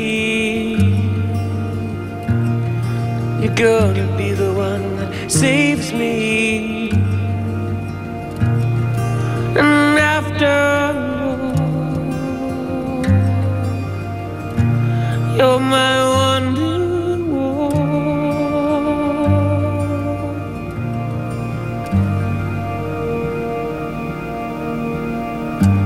Today was gonna be the day they'll never bring it back to you. By now you should have somehow realized what you gotta do. I don't believe that anybody feels the way I do about you now.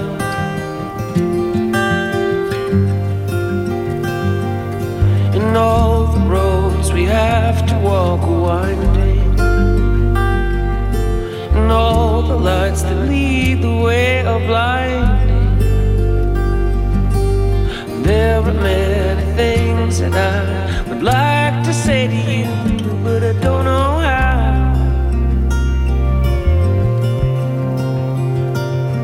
I said maybe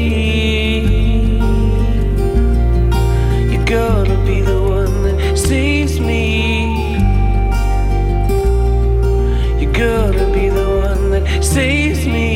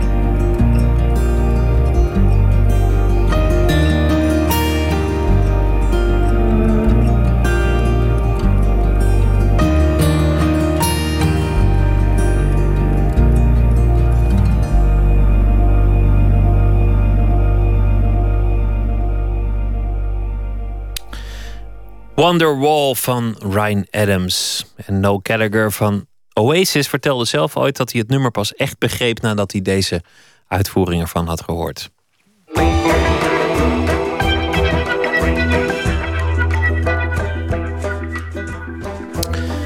U luistert naar de VPRO, het programma Nooit meer slapen. Volgende week begint de Boekenweek. Dit weekend gaat hij van start. En het thema dit jaar is reizen. Kun je ook reizen zonder uit je stoel te komen? Zoals bijvoorbeeld de Duitse schrijfster Judith Schalansky. In haar bijzondere boek Atlas van afgelegen eilanden neemt ze ons mee naar 50 eilanden waar ze zelf nooit is geweest. Maar waar ze wel fantastische verhalen over weet te vertellen. Verslaggever Tjitske Mussen sprak daarover met Alexander Reewijk, schrijver van onder meer de boeken Reizen tussen de lijnen over ontdekkingsreiziger Alfred Russel Wallace en O. Henlens Helden. Maar vooral is hij atlasliefhebber. Hallo. Hoi. Hoi. Alexander.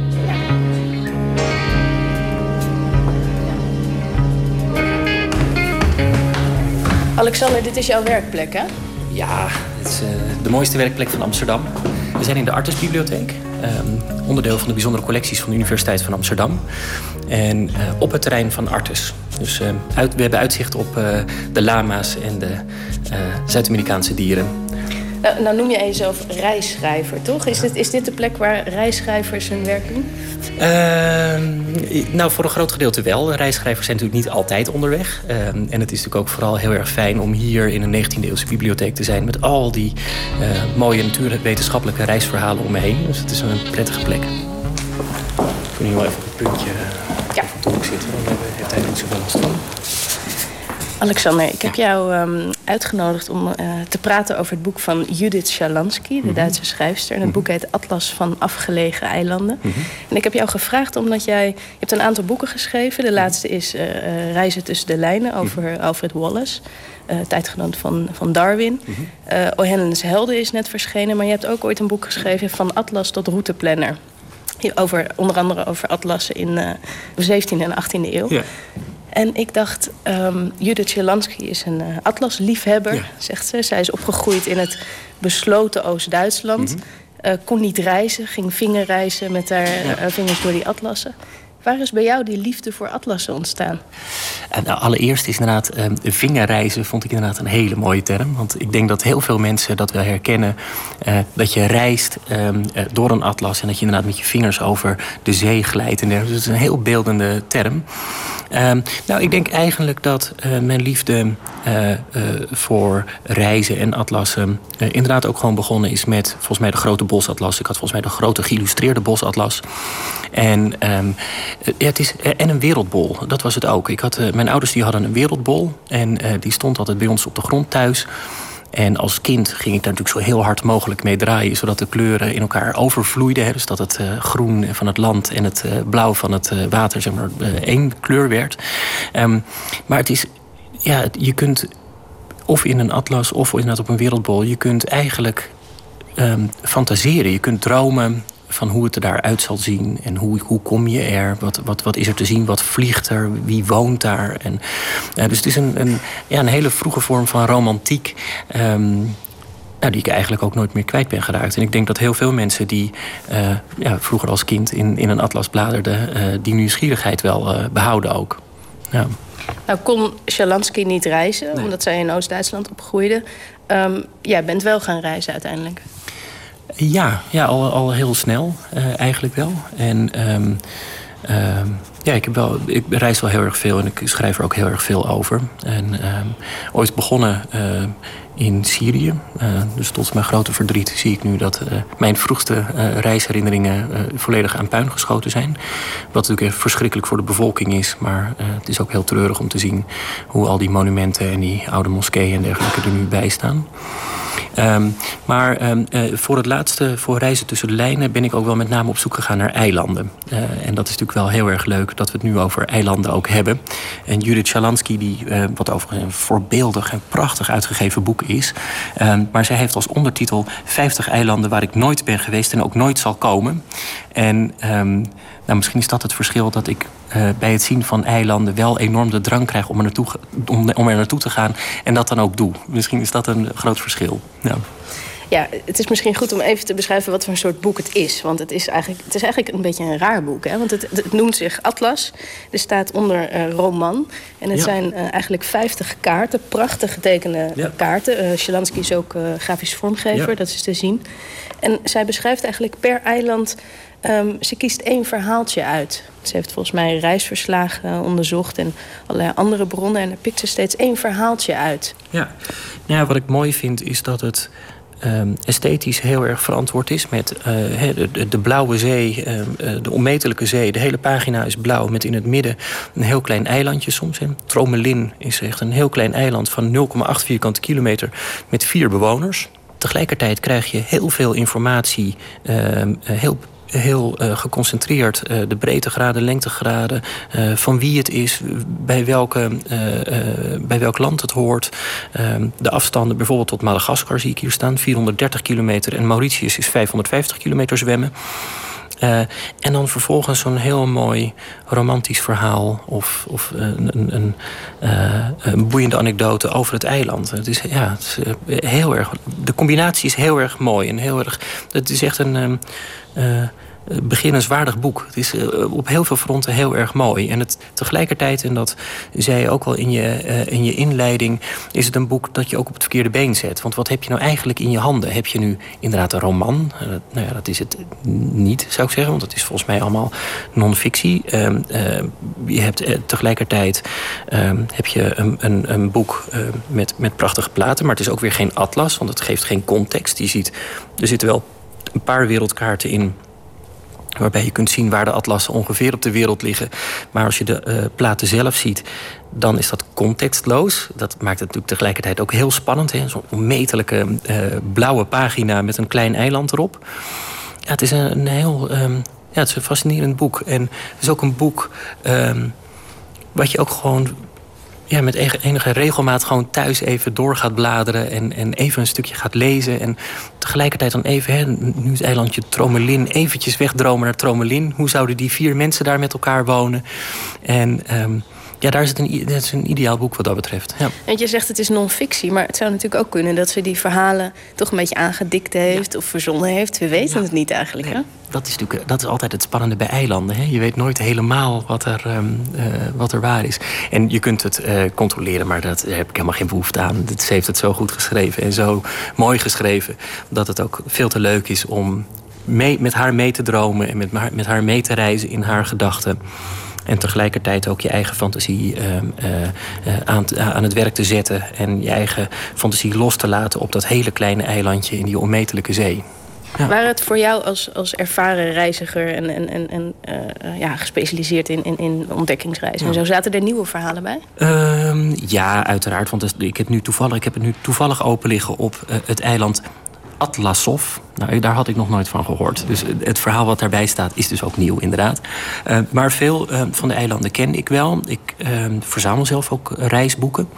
En het, het grappige, ik keek even in mijn, in mijn bibliotheek... en toen heb ik even twee boekjes meegenomen. Het ene boek is Eilanden van Boudewijn Buug met als uh, soort aanprijzing het echte reisboek. Het leuke is uh, dat dit boek, dat Boudewijn Buug op geen van deze eilanden toen geweest was. Dus het, dat is ook maar zeer betrekkelijk. Ah, Sjalansky heeft het overgenomen. Precies, precies, precies. Het grappige is dat ook heel veel van deze eilanden in Boudewijn Buugs boek voorkomen. Dus dat is wel heel leuk. En een ander is een boek van Albert Bijntema, Eilanden. En dat is vrij recent uitgekomen. Uh, en die beschrijft, uh, ik meen 99 eilanden waar die ook echt allemaal geweest is. Uh, dus zo zie je dat, er, dat het in een traditie wel staat, dat er ook veel over geschreven wordt. Ehm, bij dit boek van Shalansky gaat het natuurlijk voor een groot gedeelte ook om de vormgeving en om, om het uiterlijk. En dat gaat bij de andere twee boeken iets minder. Maar inderdaad, fictief reizen. allemaal beginnen ze met de liefde voor atlassen en eindigen ze met de beschrijving van obscure verhalen. En dat is natuurlijk het leuke van eilanden. Er, het is altijd omgeven met een romantiek, weet je. Het is, het zijn, er zijn altijd verhalen die... Ja, het, het, appelleert enorm aan een romantisch gevoel. Hè? Het ergens naartoe reizen. Het, eh, hè, als je naar een eiland gaat en bij voorkeur natuurlijk over land, dus in dit geval over zee, ehm, eh, vertrek je van, van een bepaalde plaats en je gaat naar het eiland toe. Hè? Je, ehm, eh, je ziet een eiland ook vaak opdoemen vanuit de, vanaf zee in een, aan, aan de horizon. Ik, ik ben zelf voor reizen tussen de lijnen ben ik in de Aru-eilanden geweest, een archipel tussen Australië en eh, Nieuw-Guinea. En dat is een, een archipel die net boven het water uitsteekt. Met heel veel mangrovenbossen. En als je dan aankomt varen en de dolfijnen langs de boot eh, zwemmen en dergelijke... en je ziet dan op een gegeven moment aan de horizon zie je hm, vage boompjes... dan denk je bijna dat je een soort Fata Morgana-achtig idee ehm, eh, eh, ziet. En dan gaandeweg kom je eh, dichterbij en dan blijkt dat, eh, dat het de, de Aru-eilanden zijn, de, de Aru-archipel. En alleen dat al, dat het, het aankomen ehm, eh, vervult... ehm, ja, daar kreeg je zoveel geluk, gelukzalig gevoel van. Het is grappig dat je dat noemt, want dat zegt Sjalansky ook. Hè, dat vaak op eilanden een soort eh, de utopieën worden geprojecteerd. Ja, nou ja, precies. Ja, nou, er zijn, Atlantis is natuurlijk een bekend voorbeeld eh, er ook van... waar echt natuurlijk een utopie eh, eh, was. Maar wat, bijvoorbeeld wel, eh, eh, wat ik bijvoorbeeld wel spannend vind... is eh, eveneens eh, in Indonesië, namelijk op Flores en Komodo... waar je die Komodo-varanen hebt... eh, zijn pas heel laat ontdekt, in 1912 pas. Ehm, maar daarvoor gingen zoveel verhalen over monsters... met ehm, eh, vuurspuwende eh, eh, ademen en dergelijke... en die Chinese vissers verslonden en dergelijke. En zo zie je dat zo'n ja, zo'n fantasieverhaal, of, of eigenlijk een verhaal dat begon als een, een, een, werkelijk verhaal of, of een werkelijke waarneming, dan helemaal uitgroeit tot, eh, tot, ja, tot monstrueuze proporties. En dat vind ik ontzettend spannend. En dat kan met name op eilanden, omdat het zo geïsoleerd is. Hè? Omdat het ehm, niet zo vaak bezocht is, zeker de wat afgelegen eilanden en dergelijke. En dan kunnen die verhalen ook echt op die manier ontstaan. Ja, Sjalansky noemt dat dan een eiland is een theatrale ruimte. Hè? Een afgesloten gebied waar dan Ja. iets kan ontstaan. Ja, nou ja, je hebt natuurlijk tijd nodig om een verhaal van werkelijkheid naar mythische proporties eh, te laten groeien. Daar heb je eh, gewoon tijd voor nodig ook. En, ehm, en dat is natuurlijk het voordeel inderdaad bij, bij eilanden, dat, die, dat, die, dat je die tijd vaak wel hebt. ehm, ja. Ja, en, en hoewel er dus vaak utopieën op worden geprojecteerd... of van naar wordt verlangd... is het de verhalen uit dit boek grotendeels... eh, eindigt het tamelijk gruwelijk allemaal. Eh, ja, dat, eh, ja, ja, dat heeft, ze- het begint ook geloof ik in, in het voorwoord met een opsomming van hoeveel gruwelijkheden er wel niet zijn op eilanden en hoeveel misbruik en hoeveel, nou ja, enzovoort, enzovoort, enzovoort. Uiteraard, en, en ehm, ja, romantiek is natuurlijk ook vaak maar een, een mooiere eh, afspiegeling van de werkelijkheid dan, dan die werkelijk is. Ja. Eh, wat me opviel is dat veel van die eilanden... in ieder geval de eilanden uit dit boek... een namen hebben als eilanden van de teleurstelling... Misleidingseiland, ontembare eilanden. Ja. Nou ja, de, eh, dat klopt. Ja, de Deception Island hè, in, in Antarctica, onder andere. En, Waarom ja, heet het ook alweer zo? Nou, precies weet ik het even niet. Maar wat, wat natuurlijk heel vaak wel het geval is... is dat deze eilanden in de 17e eeuw eh, ontdekt zijn. Of in ieder geval eh, omtrent die, eh, die tijd. En dat op dat, op, dat moment reizen natuurlijk ook gewoon echt heel erg gevaarlijk was. En, en heel erg zwaar en heel erg moeilijk. En ehm, je wist nooit waar je aankwam. Ehm, het was net duidelijk dat de aarde rond was en dergelijke... dat je eromheen kon varen. Dus eh, er was vaak niks te vinden. Je werd, als je ergens aan land ging, werd je vaak aangevallen. Dus het was ook een hele gevaarlijke periode. En dan je ziet inderdaad dat of eilanden eh, naar de eh, ontdekker eh, zijn vernoemd... of inderdaad teleurstelling of dat, dat soort eilanden. Ja, dat vind ik inderdaad wel opvallend. Hè? Ja, of eentje zoals het eiland Amsterdam. Ja. ehm, waar, waar diverse plekken op het eiland gewoon de, de voorkeuren van de, van, de, van de vinders, van de ontdekkers kregen. Namelijk, wat was het? Eh, Titan en Ja.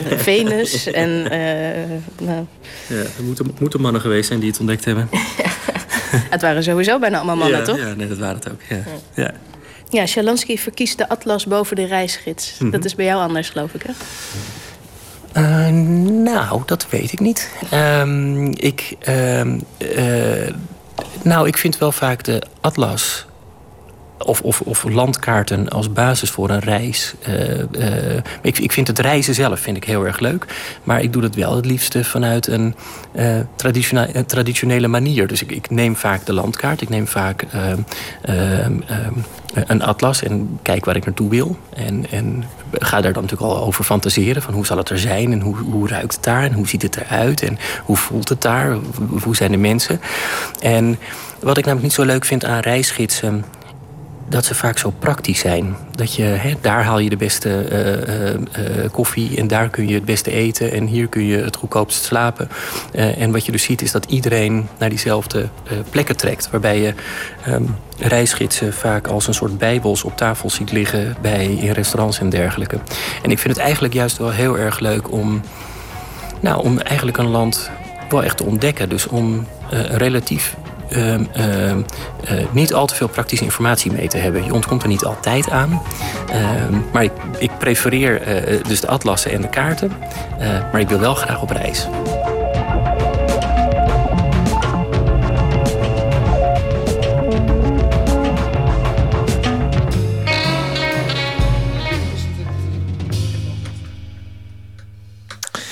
Atlas van afgelegen eilanden van Judith Shalansky is uitgegeven bij Signatuur. En het laatste boek van Alexander Reewijk heet Reizen tussen de lijnen. U hoorde een eh, bijdrage van Tjitske Mussen. We gaan luisteren naar uh, muziek. Who Made Who? Another Day heet het uh, nummer. Het is een Deense disco-punkband. En ze hebben gisteren een nieuwe plaat uitgebracht met de titel Dreams.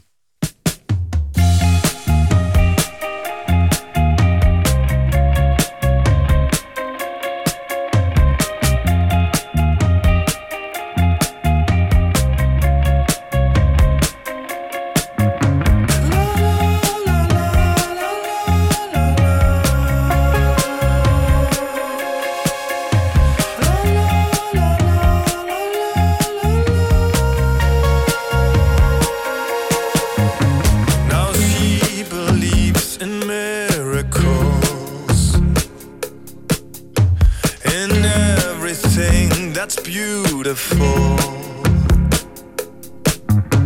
The tragic and electrical. She brings me peace of mind.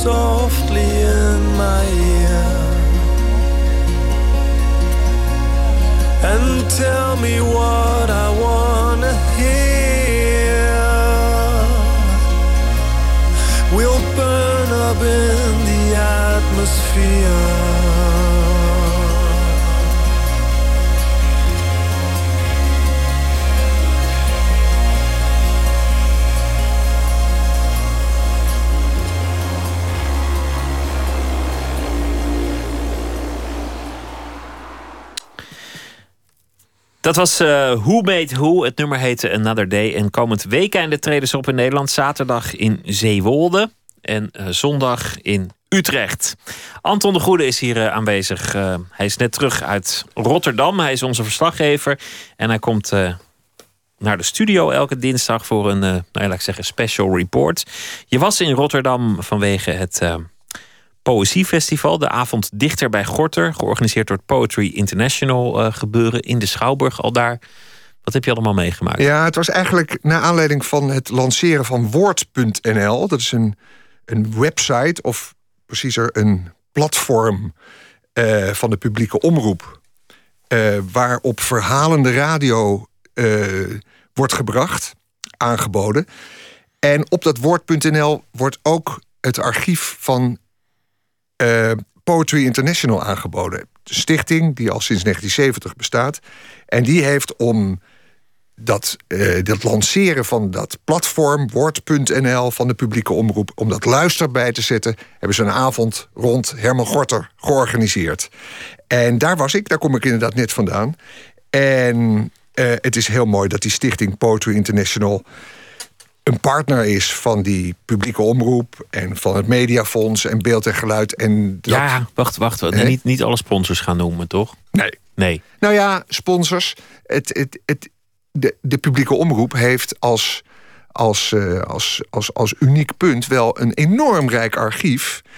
En in de tijden dat de radio, zoals Radio 1, ook steeds meer geformateerd wordt. en er eigenlijk steeds minder kan. is het belangrijk dat dat archief en, en, en, en bijzondere radio. op een andere manier toch te horen is. En dat kan via dat woord.nl. Dat is de, dat is de gedachte. Maar dat goed, is de gedachte. Een verhaal aan de radio. En, en zij hebben een heel mooi archief van, van dichters die hun gedicht voorlezen. Da, daar is altijd wel iets voor te zeggen. Omdat um, als je het op papier ziet staan, dan, dan snap ik het nooit helemaal. Een gedicht, het dan soms wel, maar meestal niet. En, en als je iemand hoort voorlezen, dan, dan heb je het ineens door. Je, je merkt ook dat, dat dat soort poëzieavonden dat het heel erg vol lopen, terwijl die bundels niet lopen. Dus, dus ik ben niet de enige die daarmee uh, worstelt. Nee, Van, vanavond, of hoe zeg je dat, aan de vooravond... was het trouwens erg stil in Rotterdam, in de Schouwburg. Er waren niet meer dan 50 mensen. Dat is jammer. ja, dat is jammer. Nou ja. Het was een beetje in der haast georganiseerd. En er waren drie dichters opgetrommeld die uit eigen werk lazen. En die dichters die hadden allemaal iets met Herman Gorter. Die werden beïnvloed ooit door Gorter. Weten we het nog? Herman Gorter, uh, de man die in 1927 overleed, 1864 geboren, die van de tachtigers deel uitmaakte, die prachtige gedichten heeft geschreven. Uh, de Mei, uh, die uh, socialistische verzen ook maakte. En vaak ook hele lange gedichten. Of was het alleen de mei die, die, die een beetje lang Ja, uitviel? de mei was absurd lang. De mei was absurd lang. Maar hij heeft ook de sensitieve verzen geschreven... waarin hij speelde met taal en die danste... en dat ging ritmisch heel, uh, heel wild eraan toe. Uh, liefdespoëzie die heel erg rijk was. Maar ik heb hem altijd in mijn hoofd als een socialistische dichter. Hij is ook de oprichter geweest van de Sociaal-Democratische Partij. Hij is op een gegeven moment communist geworden. Hij had visioenen over een nieuwe wereld.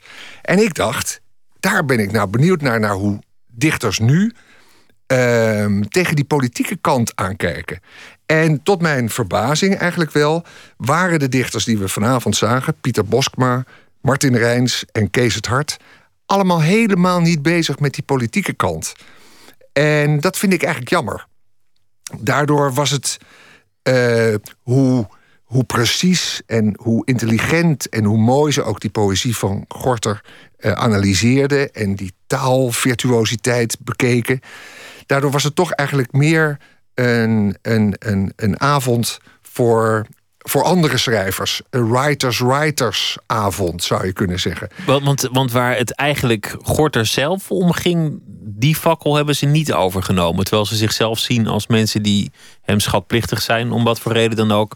Ja. Dat, dat politieke hebben ze niet. Sterker nog, daar zitten ze zich eigenlijk tegen af. Als het ter sprake kwam, uh, Kees het Hart bijvoorbeeld... die zei, ja, Herman Gorter die wilde dan de arbeiders de taal geven om ze te verheffen... En hij zei van dat zou ik nooit willen. En alsof we nu in een tijd zitten, en dat viel me ook bij die andere dichters dus op, dat moralisme uh, eigenlijk uit den boze is. En je politiek uitlaten, geëngageerd zijn met politiek, dat is helemaal niet aan de orde. En dat vind ik jammer, want er is nogal wat aan de hand. Ik, ik hoorde je eerder vanavond met Alice Zandwijk praten over dat engagement Eigenlijk bij Thomas van Aalten net komt dat ook naar boven. Eh, wat is er in de wereld aan de hand? Uh, het communisme, de Koude Oorlog lijkt weer aan een soort uh, wederopbloei bijna te beginnen. En dan zitten er drie dichters in Rotterdam voor een publiek van, van maar 50 man. Een beetje toch alleen maar in het verleden naar de geschiedenis te kijken. Maar je zou eigenlijk ik zou ervoor willen pleiten van... kijk nou eens wat hij eigenlijk voor idealisme had, die Herman Gorter... en wat zat er eigenlijk in en wat is er van terecht gekomen. Maar, maar zou iemand nu nog zitten te wachten op een soort... Uh, nou ja, zeg maar een, een SP-huisdichter... Die, die dan het voor de arbeiders opneemt in, in lange versen? Nou, dat niet. Maar je zou er wel aan moeten refereren, denk ik. En er is één dichter die dat gedaan heeft. En die hoorden we ook en die hebben we nu klaarstaan. En dat is de dichter Lutjebert. En hoor nou hoe die in 1989 in het boek Troost de hysterische robot een gedicht over Gorter, geïnspireerd op Gorter, schreef. En dan weet je precies wat ik bedoel dat ik nu mis. Luister naar Lutjebert. O Herman Gorter, groot dichter, je beweerde... Maar zo zeker als daarbuiten de zon de wereld bevloerst... heb ik het geluk gevonden. Dus met je tennisracket, als was het een rode roos... rende je in ouderdom nog vurig... tot aan de rand van twee werelden. En je hield stand nog net voor het net aan de afgrond... waarin later alle hoop voorgoed verdween. Lucebert of Lucebert, hoe je hem, hoe je hem ook uh, uitspreekt. Ik heb, ik heb die man dus nog nooit horen voordragen. Dat, dat vind ik leuk. Ja, het is meteen anders als je het van hemzelf hoort. Hij is een van de dichters. Als je die hoort, dan voegt het een dimensie toe aan zijn werk. Absoluut. Lucebert. En dit was maar een klein fragment uit een langer gedicht... dat helemaal op dat woord.nl te vinden is. Meer dichters dus te vinden als je wil horen hoe ze het bedoeld hebben... en hoe ze het zelf voorlazen, uh, voortaan te vinden op de website woord.nl. Anton de Goede, dankjewel. Ja, en uh, graag tot uh, volgende week. Goedenacht. Winona Carr heeft weinig geluk gehad in haar muzikale loopbaan. Een onsuccesvol album onder Frank Sinatra's Reprise Records. Daarna heeft ze zich uh, teruggetrokken uit de muziekwereld. Ze is gestorven op 51-jarige leeftijd. In 1976 was dat. Het volgende nummer is een van de bekendste nummers die ze gemaakt heeft. Ook wel eens in films gebruikt. U hoort Please Mr. Jailer.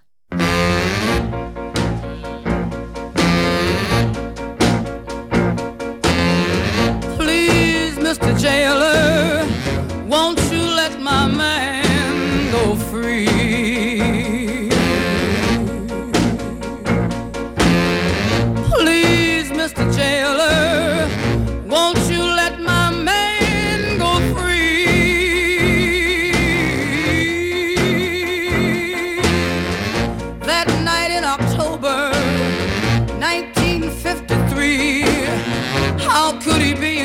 He was home with me.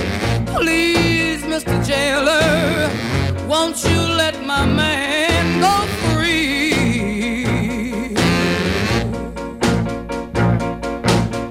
You put him in a death cell, and then you change your mind. Then when you reprieved him,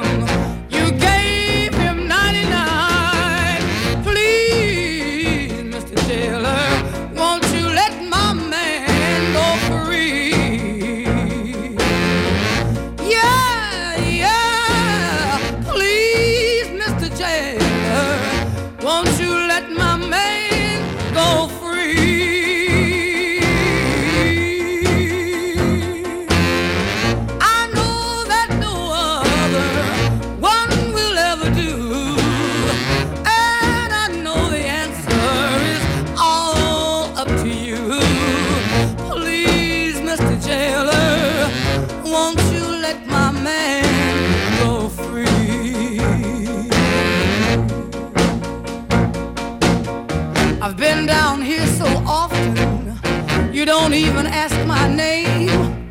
And if you keep him all his life, I'll be here just the same.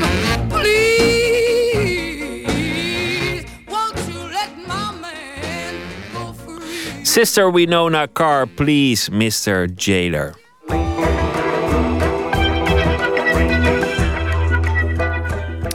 U luistert naar de VPRO Nooit meer slapen. Foto's van lege parkeerplaatsen, stoffige gebouwen en uitgeleefde auto's.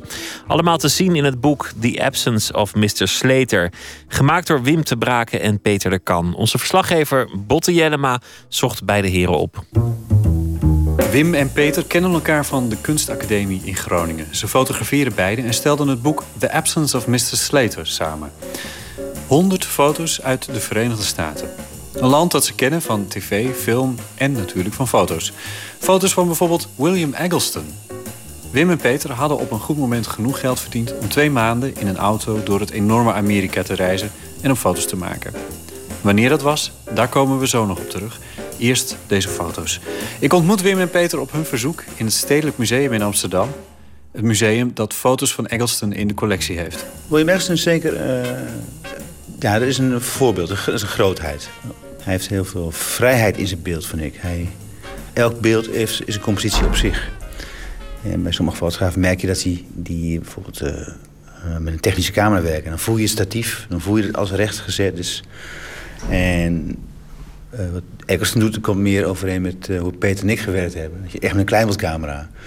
En dat je ook in een klein hokje zit en een foto maakt. Of in een ongemakkelijke positie. Of dat het licht slecht is. En, eh, dus je, je fotografeert eh, niet vanuit eh, technische perfectie, maar vanuit je expressie. En vanuit de bewegelijkheid van de, van de kleinbeeldcamera. Daarom voel je, ook geen, dan voel je geen herhaling. Hij herhaalt zich nooit. Heb ik, dat, dat voelde ik heel sterk bij hem. En alles kan onderwerp zijn. En hij was een van de eerste fotografen die heel bewust in kleur ging fotograferen. En toen daarvoor was zwart, fotografie werd geassocieerd met zwart-wit. En dat was een, werd een kwaliteitskenmerk. Kunstfotografie. William Eggleston is een Amerikaanse fotograaf. Hij is in 1939 geboren in Memphis en is nu 74 jaar. Hij fotografeerde vooral de gewone dingen in Amerika, zoals tankstations, elektriciteitsdraden, parkeerplaatsen. Wim en Peter hebben een boek van hem meegenomen, William Eggleston's Guide, met voorop een foto van een verlaten driewieler. Toen wij naar Amerika gingen, toen was dit al een eh, collectors item. Dus het boek was helemaal niet meer te krijgen. En voor mij hebben we het in New York mogen inzien bij een galerie. Hè? We zijn bij een galerie geweest en daar hadden ze, daar hadden ze eh, eh, een tentoonstelling van de 100 eh, belangrijkste fotoboeken tot dat moment. En die hadden ze ook allemaal. De boeken lagen daar. En ze hadden een boek waar eh, die, die fotoboeken weer in afgebeeld stonden met een paar spreads. En toen mochten we met witte handschoentjes... Spreads, voor de goede orde, zijn eh, opgeblazen foto's, dubbele pagina's. Dubbele pagina's, ja. En eh, toen mochten we dit boek dus voor het eerst... eh, heb ik, ik, ik heb het in New York voor het eerst gezien. Met witte handschoentjes mocht ik het doorbladeren. Want het kostte 1000 dollar. En dat hadden we niet. Eh, maar hebben we nog, ik heb nog getwijfeld. Omdat, ja, jeetje, er was toch wel iets van... Van, van wie is dit boek nou? Van jou of Peter? Of van... Nee, ja, maar dit is van Wim en ik heb hem ook, want hij, er is een herdruk gekomen. en dus, deze is niet 1000 euro. Nee, nee, nee je, kan hem, je kunt hem nu voor... eh, in de Volkskrant stond 25 euro krijgen. Dus dat zal, dat zal wel de prijs zijn nu. Jullie werken in het boek The Absence of Mr. Slater eh, heel erg vanuit... Ja, en ik weet dat allemaal niet, want dat moet je ook maar net even weten. Heel erg vanuit die traditie van de fotografie. Dus het, zijn niet alleen zomaar, het is niet zomaar een mooi fotoboek... maar er zit, er zit ook nog een hele fotografisch idee achter. Het gaat gewoon niet om wat er op de foto staat. Als- ik, eh, laat ik hem zo openslaan. Nou, hier staat een parkeermeter. Willekeurige pagina. Willekeurige pagina. Parkeermeter tegen een grijzig trottoiroppervlak en een grijzig muurtje. Dus het is gewoon een compositie in grijs. Want er zit schaduw, er zit lijnen, spel in. En dat is, op dat moment maak je zo'n foto puur als een compositie in grijs. En omdat je daar langs loopt. En je, die twee maanden hebben we, bijna, we hebben beide geleefd met een camera voor ons hoofd. Dus je, dus je beleeft die hele reis uit door een kader. Compositie, eh, ruimtelijkheid, licht, structuur. En je schiet eh, eh, als, als het goed is. En dat is heel, vrij intens werken. En je maakt ook heel veel slechte dingen. Maar de goede dingen die interessant blijven... dat zijn, dat zijn die foto's op zich, daar gaat het om. Het gaat me dus niet om die parkeermeter. Of om het trottoir. Het gaat me om de foto als geheel. Vertel even iets over die foto dan, als je wil. Hij is heel ijl, hè? Heel ijl. Hij is heel dun. Die lijntjes op het trottoir zijn belangrijk spelen. Ja, dat late licht is ook belangrijk. Dit is laat licht. Dit is het licht waarin eh, Wim Wenders eh Paris, Texas schoot. Eind van de dag. Ik ben dan iemand die wat langer in- eerder in gesprek raakt met Amerikanen dan Wim. Maar Eh, vier, vijf uur in de middag was voor ons spannend. Als dat mooie licht kwam, ja, dan moesten we gewoon opbreken. Dan zaten we ergens in een, uh, een tweedehands boekwinkel met uh, Amerikanen te praten. Maar dan moesten we wegwezen. Want er moesten foto's gemaakt moest worden. Foto, moest gekeken worden bij dat licht.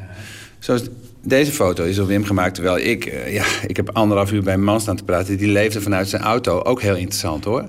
Maar daardoor heb ik die avond gemist. Hè? Door, dat licht is er gewoon ik maar was, even. Ik liep de ijsberen van Peter. Kom op, we moeten... Ja. Peter, ja, ik ga verder. Het is een ordening, maar het is niet een lineaire. Dus het is in wezen als een jazz-improvisatie. Als je moet verzinnen, lukt het niet. Uh, hoe, hoe, lang doe je over deze foto dan? Hoeveel uh, uh, alternate takes heb je, om in jazztermen te blijven? Hoeveel alternatieve opnamen heb je ook nog gemaakt? Nou, dit, ik geloof dat ik hier twee of drie opnames van heb. En loop je dan nog heen en weer? Van, ja, jongen, dan, nog dan ga je door je knieën en dan ga je één stapje naar voren en terug. En dan, wat ook vaak is, dan zie je iets moois. En dan duik je erin en dan merk je, oh nee, ik het is weg. En dan moet je terug naar het punt waarop je uh, het, het, zag. En denk je, oh nee, dit is hem al. Ja. Dus, uh, maar dat is dan werken. En je kunt ook, als je zo'n half uurtje hebt... je voelt dat het wegglipt... en je bent op een magische ja. plek... kun je een half uur kun je werkelijk uitgeput zijn. Dit klinkt heel slap. Maar echt dat je daarna gewoon echt moe bent. Echt moe. En dan ben je een uurtje... komt er weinig zinners meer uit. En dan, waar, waar ben je moe van dan? Nou, het, is, het is keihard werken. Je bent kijken, gewoon intensief kijken wat de mogelijkheden, waar dat beeld zit. Ja. Dat, dat, bedoel, dat is niet, daar ga je, niet, je staat niet heigend te, te doen. maar je bent constant gefocust. Dat is misschien wel een hele goede term in dit verband. Je bent constant gefocust en je houdt pas op als, het, als je denkt, oké, okay, het licht is weg, ik hoef nu niet meer verder te gaan. Uh, Lucie Baer, die is stedelijk ook uh, goed vertegenwoordigd volgens mij. Die uh, heeft ooit ook gefotografeerd, een jaar of tien. En die is daarmee gestopt, zei hij, omdat het, het, het is te intensief. Hij vond het slopend. En daarom is hij ermee gestopt. In totaal hebben ze zo'n 3000 foto's gemaakt met een analoge camera. Thuisgekomen hebben ze die op dia laten zetten en die keer op keer bekeken. En elke keer gooiden ze er weer een paar uit, tot er nog maar 100 overbleven voor het boek The Absence of Mr. Slater over Amerika. Maar wie is toch die Mr. Slater? Maar nee, de titel verwijst naar iets wat niet in beeld is. Ja. Er is wel een verwijzing in een beeld naar die Mr. Slater. Maar die Mr. Slater hebben wij niet gefotografeerd. En daarmee verwijst hij iets naar, niet naar een van de beelden, nee. maar tussen de beelden. Plus, wacht, Plus dat, uh, zeker. Maar wacht, want uh, Hans Aarsman heeft een inleiding geschreven. Ja. En daarin, en dat is een prachtig verhaal wat hij heeft gemaakt maakt hij uh, de, een anekdote van iemand die een uh, cameraatje heeft gekocht. Uh, die enthousiast aan het fotograferen slaat. En de foto's laat ontwikkelen. Het is analoog iets. En een stapeltje foto's terugkrijgt met op elke foto een roze randje. Uh, waarmee deze amateurfotograaf zich uh, schromelijk heeft vergist in de werking van zijn camera. Namelijk dat hij um, alle foto's achterstevoren heeft gemaakt. Daarmee heeft Hans willen aangeven uh, dat jullie foto's eruit zien alsof je een mooi plaatje voor je had en dat je je dan hebt omgedraaid. Ja, dat, is, dat is waar, maar hij zegt ook volgens mij. Um, je denkt, als je denkt dat je Amerika gezien hebt... of als je mm. denkt dat je alle fotoboeken over Amerika gezien hebt... dan heb je het mis. Want uh, uh, die andere kant, uh, die heb je niet gezien. Nee. Wat je wel gezien hebt, dat is, dat is een veel kleiner deel... dan een deel wat je niet gezien hebt. En, want hij begint ook mee... heb je als je fotograaf, als je naar Amerika gaat... heb je nog een kans. Als iemand de fotogeschiedenis kent... is het voor mij ook Hans Aasman wel. Mm -hmm. En... En uh, Wees zegt, ja, je hebt een kans. Want uh, als je maar naar, de goede dingen kijkt, als je maar... Uh, dus ik vond het een, ik, ik las er ook een compliment in. Nu ga ik uitleggen wie Mr. Slater was, want dat is misschien wel handig om te weten. jullie hebben een foto gemaakt van een verlaten parkeerplaats... waar bordjes van de medewerkers hingen. En een van de medewerkers was Mr. Slater. Dus er staat ergens reserved for Mr. Slater. Tenminste, dat was de bedoeling dat er stond, want het bordje is afgebroken. Ja, dit, dit, is de foto. Ook in het late licht. Ja. En dan zie je zo'n klein vlakje licht. En dat gloeit eigenlijk in het hele beeld. Maar de bordje die ernaast hangen... kunnen we opmaken dat het bordje van uh, Mr. Slater... dat ook reserved heeft gestaan, is net afgebroken. Mm -hmm. Maar even terug over die titel. Op het moment dat je die foto's hebt en je voelt dat het een boek is... en je gaat combinaties maken en je zoekt naar... ja, maar waar gaat het boek over? Uh, liepen wij ook vast in dat proces. En midden in dat proces hebben we wel gezegd van... we moeten gewoon een titel hebben. We hebben een Ja, wat bindt dit ding? En, en in plaats van eh, het, eh, te gaan zitten piekeren, zijn we door die foto's gaan bladeren. En wa- wat is er wat? En toen kwamen we van, eh, op het idee van... Hey, laten we, het moet een intrigerende titel zijn. En toen kwamen we op die Absence of Mr. Slater. Van, hey, hij is er niet. En Het is daarmee... namelijk een lege parkeerplaats. Het is een lege parkeerplaats. En daarmee kwamen we ook op het punt van... hé, hey, de foto's raken aan een wereld die veel groter is dan het kader... en het moment dat wij eh, eh, vast hebben gelegd. En dat hielp ook bij om de eindselectie te maken. Want daarna konden heel veel mooie plaatjes konden eruit. En eh, ga, je, ga je met een ander oog, een andere inhoud... door jezelf eh, beelden heen. En toen hadden we ook vrij snel kwamen van... nou, dan, dan moet het dit worden. Wim en Peter hebben heel lang aan dat boek gewerkt. Ja, 2001 volgens mij hebben we de eerste versie laten zien. Want wanneer hebben jullie de foto's gemaakt? Nou, een paar jaar daarvoor. Ja. En, eh, Eigenlijk zijn dit hele oude foto's. eh, ja. Dag Eh, 98 zei je, dus dat is, dat is, eh, dat is 14 jaar. Ja, klopt. Maar eh, dat, eh, als ik ermee geconfronteerd word, voel ik me altijd een beetje ongemakkelijk. Maar Want? Want? Ja, dat is omdat ik, ik vind omdat ik ook belachelijk veel tijd tussen vind zitten. maar en we hebben het boek doorgedrukt, omdat dan ging ik weer naar Peter toe. En dan zei ik, Peter, het boek is nog steeds goed. We moeten het doen. We gaan het toch doen. En uiteindelijk hebben we het in eigen beheer gedaan. Met een bevriende drukker. Het is een- erg mooi gedrukt op een hele moderne pers. Met UV-droging, waardoor die inkt erop ligt. Waardoor het helemaal dat, dat, die kleur mooi uitkomt. Maar je, als we hadden gedacht, het is oud. Het is, eh, het, we vonden het toen goed, maar vinden nu niks meer. Dan hebben we het natuurlijk niet uitgegeven. Je, je, je doet het omdat je denkt, ja, het heeft nog dezelfde kracht. We vinden het nog steeds goed, dus het moet. Eh, Is, eh, jullie hebben het gemaakt in de Verenigde Staten in, in 1998. Er, is, er, zijn weinig landen op de wereld waar zoveel is veranderd in 14 jaar tijd als de Verenigde Staten, schat ik zomaar in. En toch blijft dit staan. Ja, maar eh, er is eh, heel veel veranderd, maar er is ook heel veel niet veranderd. Nee, maar er zijn ook weinig mensen die weten dat deze foto's in 98 al zijn gemaakt. Jullie schrijven er bijvoorbeeld ook niet bij. Nee, maar de- die informatie, het is een roman. Het is een roman. Ja. En ik was heel blij, ik heb net de roman Stoner gelezen. En dat is ook in 1960 geschreven. Ja, precies. En ik heb, ik heb eh, terwijl ik las, dacht ik niet de hele tijd van... Ja, maar het is eh, al 55 jaar oud. Nee, je accepteert dan gewoon. Eigenlijk, eh, hoe gaan we dit nou doen? Want ik, ik, ik heb het namelijk... Ik heb het boek ge- bekeken in eerste instantie... zonder dat ik wist dat, het, eh, dat die foto's 14 jaar oud waren. En dat vond, ik, dat vond ik fantastisch. En het was voor mij een soort, soort ontdekking... Dat ze, dat ze al ouder waren dan ik dacht Nou, dat je, ze kan, zijn. je kan dit niet meer uitzenden in 1997. Ja, dan heb je een probleem. Ja, misschien moeten we een soort disclaimer erbij eh, bij doen. Voor, voor, nou, bekijk eerst het boek maar even. En dan na afloop... Nee, voor wat wij willen zeggen is het absoluut irrelevant dat dit beeld uit 97 is. Helemaal niet van belang. En voor het boek is het ook helemaal niet van belang. De uitspraak wat je met dit boek doet over beeld in zo'n format is gewoon actueel. Als ik ze vraag of hun boek een eerbetoon aan William Eggleston is... vinden ze dat te nederig. Ze vinden Eggleston een aansporing voor de fotografie. Wat een fotoboek met je doet. Als je, als je een boek van een fotograaf ziet, dan kun, je van die, dan kun je van die beelden genieten. Maar je voelt ook van, oh, maar dit is de manier waarop hij bezig is met het medium. Dit is gewoon iemand die stapt in een... Stefan Short, die stapt gewoon in een auto... en eh, krijgt 's ochtends een interessante omelet op zijn bord. Bam, beeld. Snap je? En zo kan je dus op pad gaan. Dat, en in die zin eh, is dat een krijg je een ander zicht op, op, op beeld dan wanneer je het op internet allemaal los voorbij ziet komen. Hè? Een boek is, ook een ander, is daarmee ook een uitspraak over de mentaliteit. eh, om als fotograaf bezig te zijn.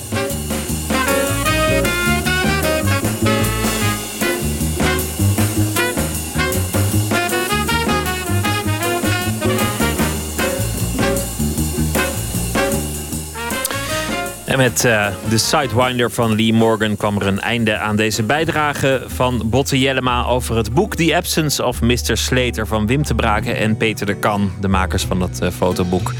Te verkrijgen in uh, museumwinkels of via hun website. En daarmee zijn we aan het einde gekomen van deze aflevering van Nooit meer slapen. Morgen zijn we er weer na middernacht. Dan komen de dames van Toren C langs. De actrices Maaike Meijer en Margot Ros. Ze spelen de meeste rollen zelf. Dat levert al met al zo'n 40 verschillende verschillende typetjes op. En ze maken een nieuwe serie vanaf 17 maart. En morgen komen ze daar alvast over praten. Over hoe ze dat eh, tot stand hebben laten komen. Straks eh, op deze zender gaan we verder met eh, andere dingen van, van Radio 1. Van, god heet het, Wakker Nederland. Zo meteen. Ik wens u een hele goede nacht en morgen een fijne dag. En graag tot morgen.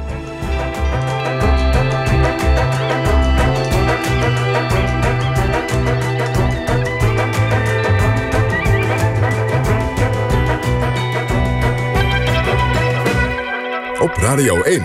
Het nieuws van alle kanten.